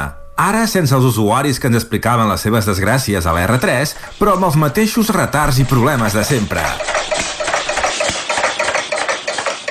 Benvinguts a Tren d'Alba. Un dia més, el col·lectiu Perquè no ens fotin el tren torna a insistir en la connexió entre la R3 i els ferrocarrils francesos i també per primer cop en molt de temps van celebrar que els nous horaris de la línia R3 incloguessin per primera vegada el logotip dels ferrocarrils francesos, l'SNCF, a l'estació de la Tour de Carol, que ja us vam explicar ahir que allà hi connecta amb tres línies de tren amb destinació a París, Tolosa de Llenguadoc i Vilafranca del Conflent. Un petit pas per l'home però un gran pas per la humanitat, com va dir un nord-americà l'any 1969. Això sí, des de la plataforma plataforma ciutadana van tornar a criticar que no s'assenyalés la connexió als mapes i esquemes de la línia de l'app i la pàgina web, ni tampoc a les pantalles i a la megafonia. A més, deien que als fulletons i PDF dels horaris hi ha un petit espai en blanc a sota que es podria aprofitar per indicar els horaris dels trens francesos. Ja veieu que no volen ser barrocs els de Renfe. A veure si algun cop l'R3 fa honor al seu nom de tren transpirinenc i defineix ben bé totes les correspondències. Va, ens retrobem demà amb més històries del tren i de la R3. Territori 17 I deixem ara la R3 i quan passen 4 minuts de dos quarts de 12 del matí, el que toca és, com fem tots els dimecres, començar a fer un repàs a l'agenda cultural per aquest proper cap de setmana. Repassarem l'agenda cultural a les nostres comarques, ja ho sabeu, les comarques del Ripollès, Osona, el Moianès i el Vallès Oriental. I aquest repàs, Vicenç, per on el començarem avui? Comencem aquest eh, recorregut avui amb l'actualitat cultural de la comarca d'Osona. Jordi, bon dia. Hola, molt bon dia que tenim per aquest cap de setmana és un cap de setmana normal, no és festiu com el cap de setmana passat i, i segur que es van recuperant ja moltes de les activitats que són habituals en aquestes dates. Efectivament, moltes. En parlarem d'algunes eh, de significatives. Eh, sobretot uh. aquesta setmana destacarem la música, perquè la música és protagonista absoluta del cap de setmana en les arts escèniques, que és el que parlem aquí a la nostra secció. Uh -huh. eh, hi ha moltes propostes musicals. Eh, de totes maneres, eh, primer de tot fem un petit apunt, que és que demà dijous, dintre de la sala 4 de l'Atlàntida, que és aquesta de connexió virtual, diguem, en streaming, uh -huh. i tenim en Peyu seguint amb les píndoles Covid que van fent uh -huh. diferents sectors, i li toca en Peyu demà a dos quarts de nou del vespre, connectant-vos a la vostra pantalleta. I... Doncs, a veure quin un en diu en Peyu. A veure quin un en diu en Peyu sobre la Covid. I ara anem, anem per la música, anem per la música música que tenim moltes coses musicals i molt bones aquest cap de setmana, precisament. Eh, eh, no ens movem de l'Atlàntida per la primera i és la presència del violinista Ara Malikian. Ara Malikian ha estat molt present en diferents escenaris usonencs durant els darrers anys. Aquest cap de setmana, per exemple, està fent un doblet entre Granollers Vic en una gira i aquest prodigi... Un doblet de doblets, perquè fa dos concerts eh, en cada En- un d'aquests escenaris. En cada un d'aquests escenaris, precisament. I eh, l'Atlàntida hi ve el divendres, el divendres dia 7, eh, presentant un espectacle que es diu Le Petit Garage, que és eh, el, eh, el resultat també del, del confinament. O sigui, és una creació en què ara Malikian al violí i Van Lewis al piano eh, recorren diferents cançons d'aquest disc que ara Malikian va gestar durant el concert, ai, durant el, el confinament, perdó, uh -huh. eh, perquè va haver de suspendre tota la gira que tenia prevista el 2020 en grans teatres, normalment als escenaris en què ell actua, i eh, al veure's tancat a casa doncs va fer com han fet molts músics, és a dir, eh, posar-se a composar i d'aquí han sortit eh, 12 cançons que dedica a la seva dona i als seus fills, de fet, a les persones que tenia més a prop en aquell moment, i que eh, revisa en aquests concerts que, mm, com dèiem, passen per l'Atlàntida aquest divendres. Eh, més música que tenim. El dissabte, i parlant de, de les conseqüències pandèmiques, eh, els teatres Sirvianum de Torelló a les 8 del vespre podrà recuperar finalment un concert del Petit de Cal Ariel que eh, s'ha ajornat. Aquesta és la tercera vegada, si no recordo malament, que es programa el Petit de Cal Ariel. A la tercera va la. Ajornat dos cops el 2020, ara esperem que sigui la vençuda, eh, presentant eh, aquest disc eh, Energia Fosca, eh, la gira del qual eh, el disc va sortir el 2019, es va veure molt malmesa, diguem, per la pandèmia. El Petit de Cal Ariel actuarà doncs, amb els seus músics acompanyants habituals, entre els quals destaquem eh, que, que hi ha el seu soci als teclats, eh, el biguetà i usonenc Artur Tort, que, que l'acompanya. Uh, més música. Uh, ens anem aquesta vegada a Manlleu. També el dissabte, també a les 8 del vespre i en el cicle d'Amics de la Música de Manlleu, en el Teatre Centre, que ara ja és plenament operatiu per a concerts, a les 8 del vespre, un recital eh, en què hi ha el baríton Josep Ramon Oliver i el pianista torellonenc Josep Sorinyac interpretant uh -huh. un cicle de cançons de Schubert eh, Winterreise eh, Viatge d'hivern eh, que és dels més coneguts del compositor i que a més a més doncs, eh, es podrà anar veient eh, mentre eh, al mateix temps que anem escoltant la música eh, el text original que, que, un text que inspirava aquesta obra de Wilhelm Müller eh, que l'ha traduït en Miquel Desclot amb imatges hivernals, la veu d'en Miquel Desclot i la música que hi posen el, en Josep Ramon Oliver i en Josep Sorinyac una altra cita destacada musical per aquest eh, dissabte i ens n'anem a diumenge. Diumenge també dues propostes mm, interessants de signes molt diferents. Per una banda, a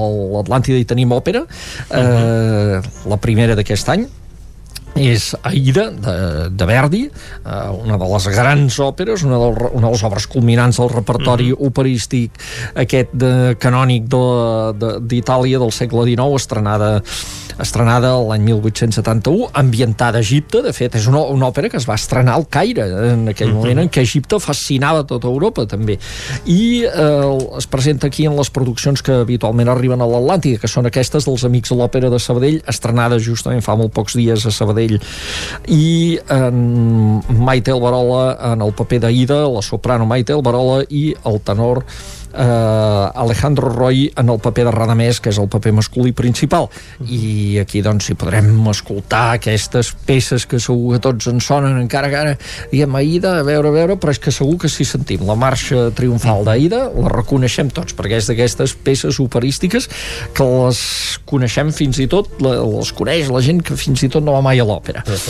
I eh, això es podrà veure el diumenge a la tarda aquí a l'Atlàntida, és una representacions llargues, eh? òperes parlem de 3 sí, horetes, eh? comença a les 6 de la tarda i ens hi passem una estona a les òperes, com sempre és, com és habitual. Eh, més música i aquí destaquem també que uh, tornen els festivals i el primer festival usonenc musical a l'aire lliure que torna és el Festival Música a la Gespa del Castell de Montesquieu. L'any passat ajornat, doncs suspès mm -hmm. totalment per la pandèmia i que aquest any torna amb unes quantes cites doncs, que hi haurà doncs, aquest mes de maig.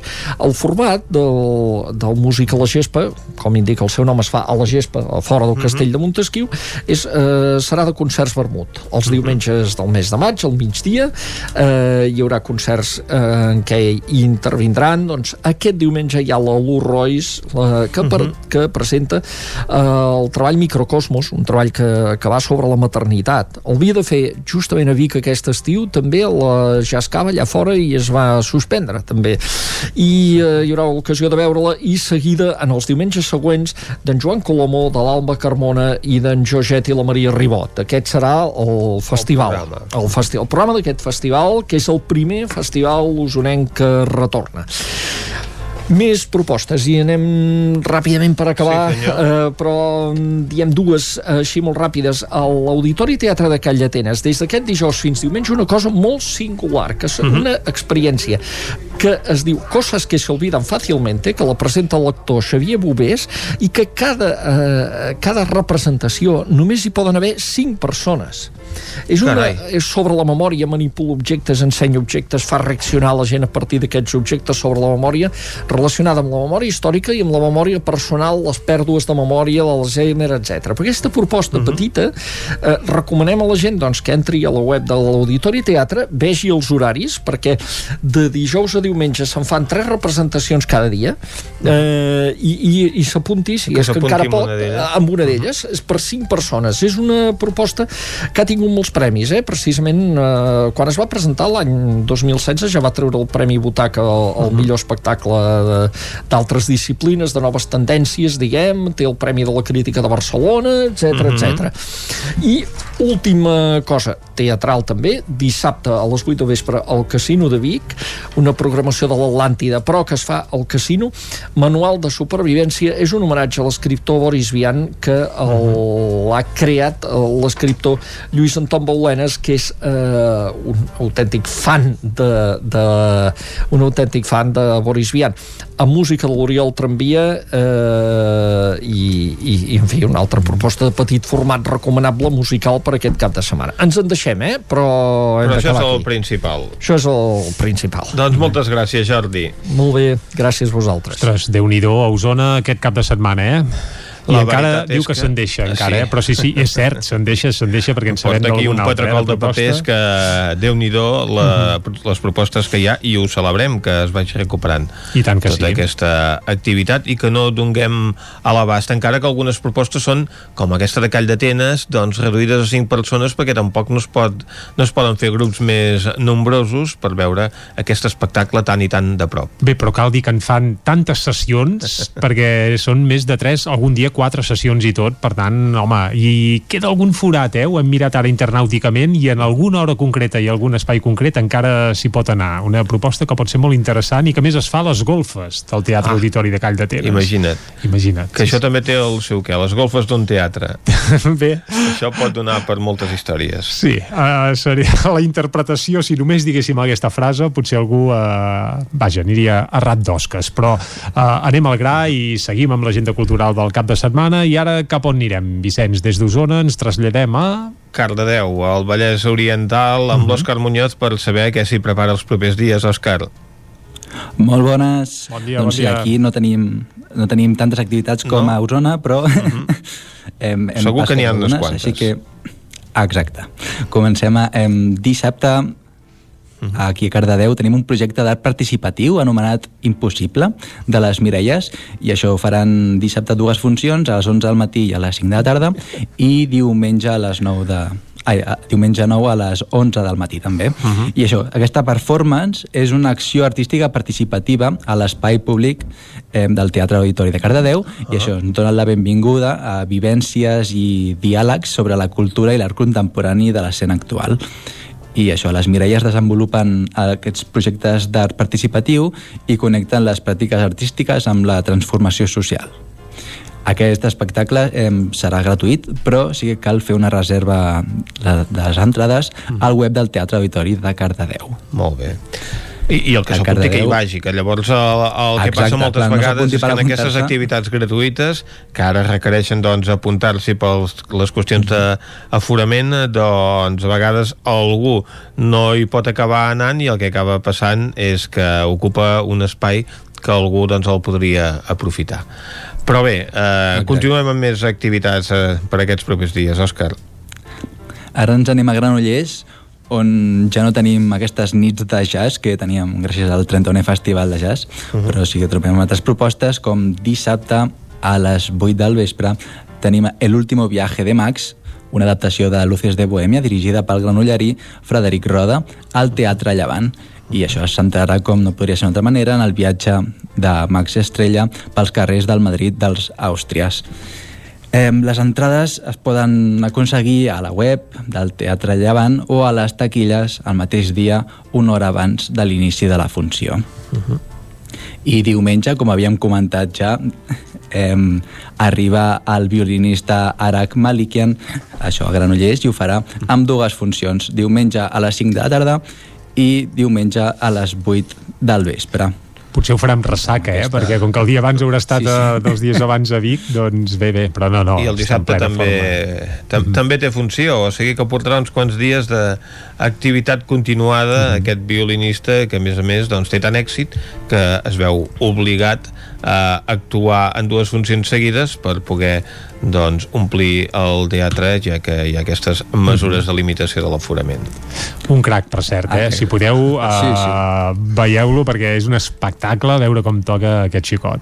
Una bestiesa. Llàstima que ja o sigui, arriba amb les entrades exaurides, però al, al, eh, a la web del Teatre Auditori de Granollers hi ha una llista d'espera per si, com deies tu abans, Vicenç, em, si algú es dona de baixa o el que sigui, doncs podem agafar el següent de la llista. I si no, que vingui divendres a Vic. Exacte. Que encara queden entrades. Que ara ja ens podem moure. Exacte. Sí, senyor. I acabem a Llinars amb una exposició, amb una nova exposició a l'Espai d'Art eh, anomenada Llinatge, la Casa de la Festa, i serà de, des d'aquest diumenge es farà la, la inauguració a les 11 del matí fins la, al dia 28 de maig i en aquesta exposició doncs eh, el que vol posar és en valor els elements festius i els balls populars de la vila de Llinars, doncs fent un recorregut per tot el cicle festiu de la cultura popular i tradicional. Uh -huh. eh, aquest viatge s'iniciarà el, el 1818, on, on van trobar la primera referència escrita de manifestacions folclòriques Llinars amb el Ball de Gitanes, i arribarà doncs, fins aquest any, fins al, a l'any 2021, i doncs això, podem eh, veure les eh, veure aquesta exposició en els horaris de, de l'espai d'art, que són dijous i divendres de 5 a 8 i els dissabtes i diumenge 12 a 1 del migdia. Més de 200 anys d'història en aquesta exposició. Moltes Ah, gràcies, Òscar. A vosaltres. Anem ara nosaltres a una codinenca amb la Caral Campàs. Caral, bon dia. Hola, bon dia. Tenim moltes activitats pels propers dies. Hi ha alguna cosa, tenim literatura, tenim una exposició i tenim uh, música, si us, semblo, si us sembla començo per uh, literatura. I és que aquest diumenge a les 5 de la tarda al centre excursionista d'aquí a Sant Feliu de Codina es presenta el llibre d'Edu Sallent que porta per nom Aquell vol de papallones, un llibre que parla doncs, sobre, la, sobre la vida o bueno, les aventures d'un escalador. I serà, com deia, aquest diumenge a les 5 a- al local del centre excursionista. I me'n vaig cap a Caldes de Montbui, aquí a la sala del G acull una exposició, aquesta exposició es va inaugurar ahir a la tarda i porta per nom a Ara fa un any. És un recull de fotografies que han fet els alumnes que, que el curs passat feien tercer d'ESO a l'Institut Pic del Vent i que ara estan fent quart d'ESO i és fruit d'un treball que van fer a l'assignatura de, de plàstica. Eh, La professora els va proposar doncs, que capturessin imatges en el més estricte confinament des del març fins a principis de juny i el resultat doncs, són aquestes fotografies que han realitzat eh, joves que tenen uns 15 anys doncs, durant el confinament a casa seva, des de la finestra eh, i tot el que es podia treure doncs, d'aquells moments. Eh, i com us dic, es va inaugurar ahir l'exposició i es podrà veure eh, divendres, els divendres de 5 a 8, els dissabtes d'11 a 2 i de 5 a 8 i els diumenges d'11 a 2 i es podrà doncs, visitar fins al dia 16 de maig i me'n vaig cap a Vigues i Riells amb una bona, molt bona notícia i amb una, doncs, una activitat, una proposta d'activitat eh, molt esperada i és que torna el Festival de Música Clàssica de Vigues i Riells. Eh, finalment l'han pogut programar eh, començaran les, les actuacions aquest eh, pròxim diumenge 9 i s'allargaran fins al dia 30 de maig. Eh, el Festival de Música Clàssica es va haver d'ajornar dues vegades per, bé, per la pandèmia i ara l'han pogut tornar a programar. Començarà, com deia, aquest diumenge amb una primera actuació al Teatre Auditori Polivalent a les 6 de la tarda. És un concert entrevista eh, de la Núria Piques, que és una actuació que porta per nom Andante con Moto. Eh, és un dels reclams d'aquesta edició i en aquest acte hi participa doncs, la corredora Núria Piques, que és entrevistada pel comunicador Josep Maria Soler Puig, amb les interpretacions musicals de la soprano Helena Mateo, la pianista Viviana Salici i el cor de dones a Lutiana sota la direcció de Quim Riumalló. Uh, això serà, com deia, aquest diumenge a les 6 de la tarda en aquest primer acte del Festival de Música Clàssica i les entrades uh, tenen un preu de 3 euros i es poden aconseguir a través d'entrepolis.com. Més endavant ja us aniré comentant la resta doncs, d'actuacions doncs, que hi haurà uh, fins al dia 30 de maig. I tant que sí, ho anirem seguint. Moltes gràcies, Caral. A vosaltres. Ara anem nosaltres al Ripollès a saber què s'hi cou pels propers dies, que segur que estan plens d'activitats, si més no la seva capital, no? Eh, Isaac Muntades?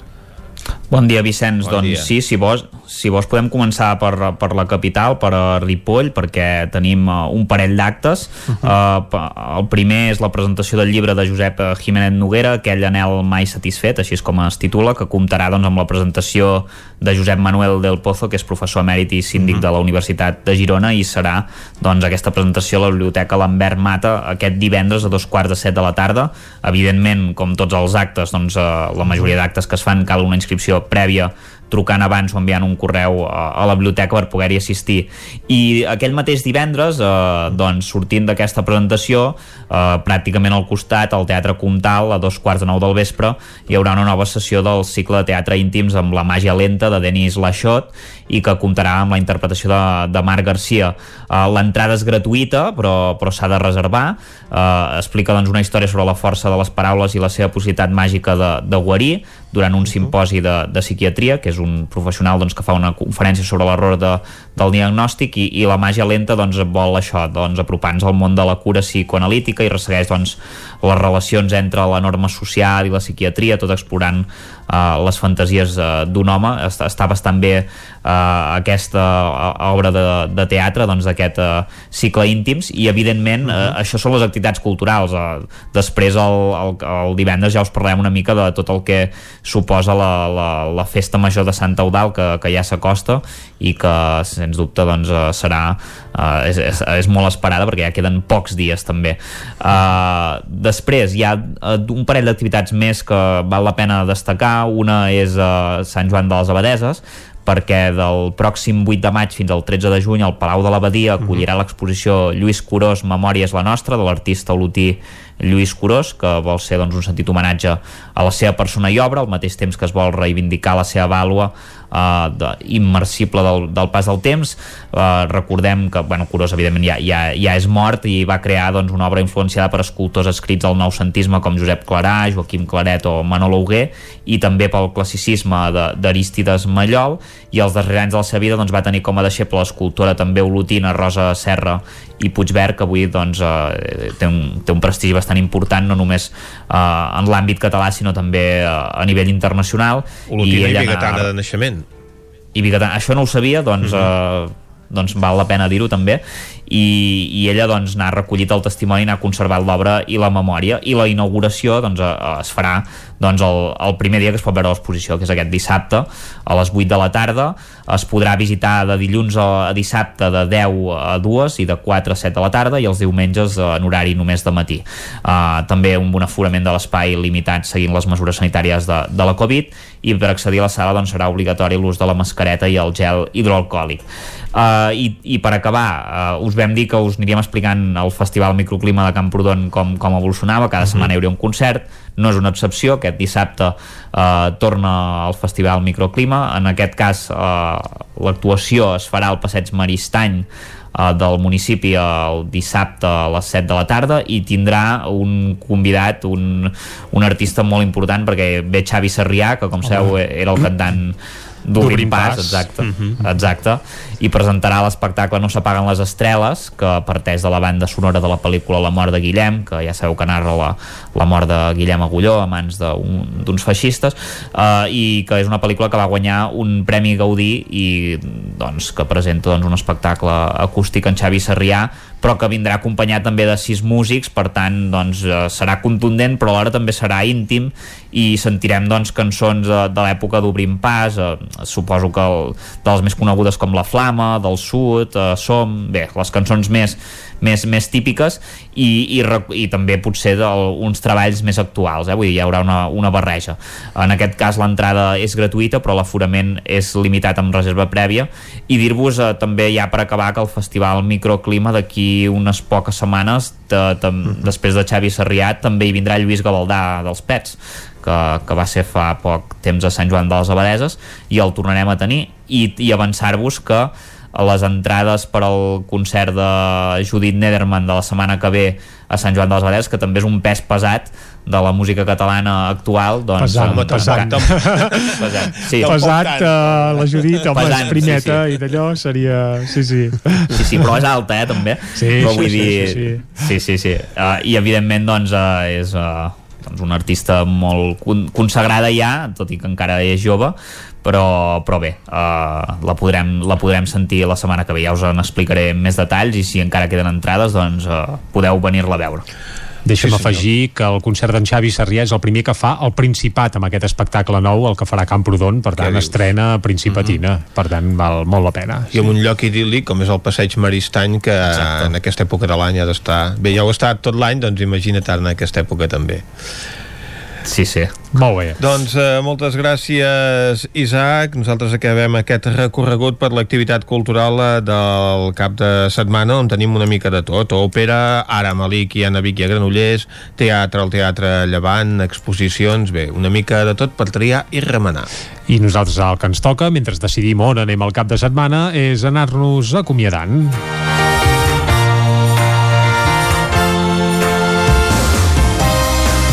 Però no ens acomiadarem sense abans dir-vos adeu i recordar-vos recordar que el programa d'avui l'hem fet.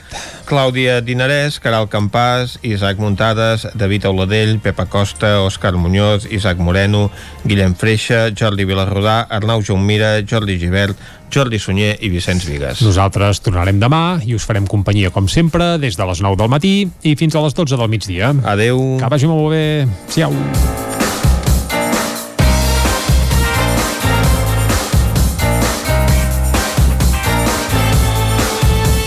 Territori 17, un magazín del nou FM. La veu de Sant Joan. Ona Codinenca i Ràdio Cardedeu amb el suport de la xarxa. El nou FM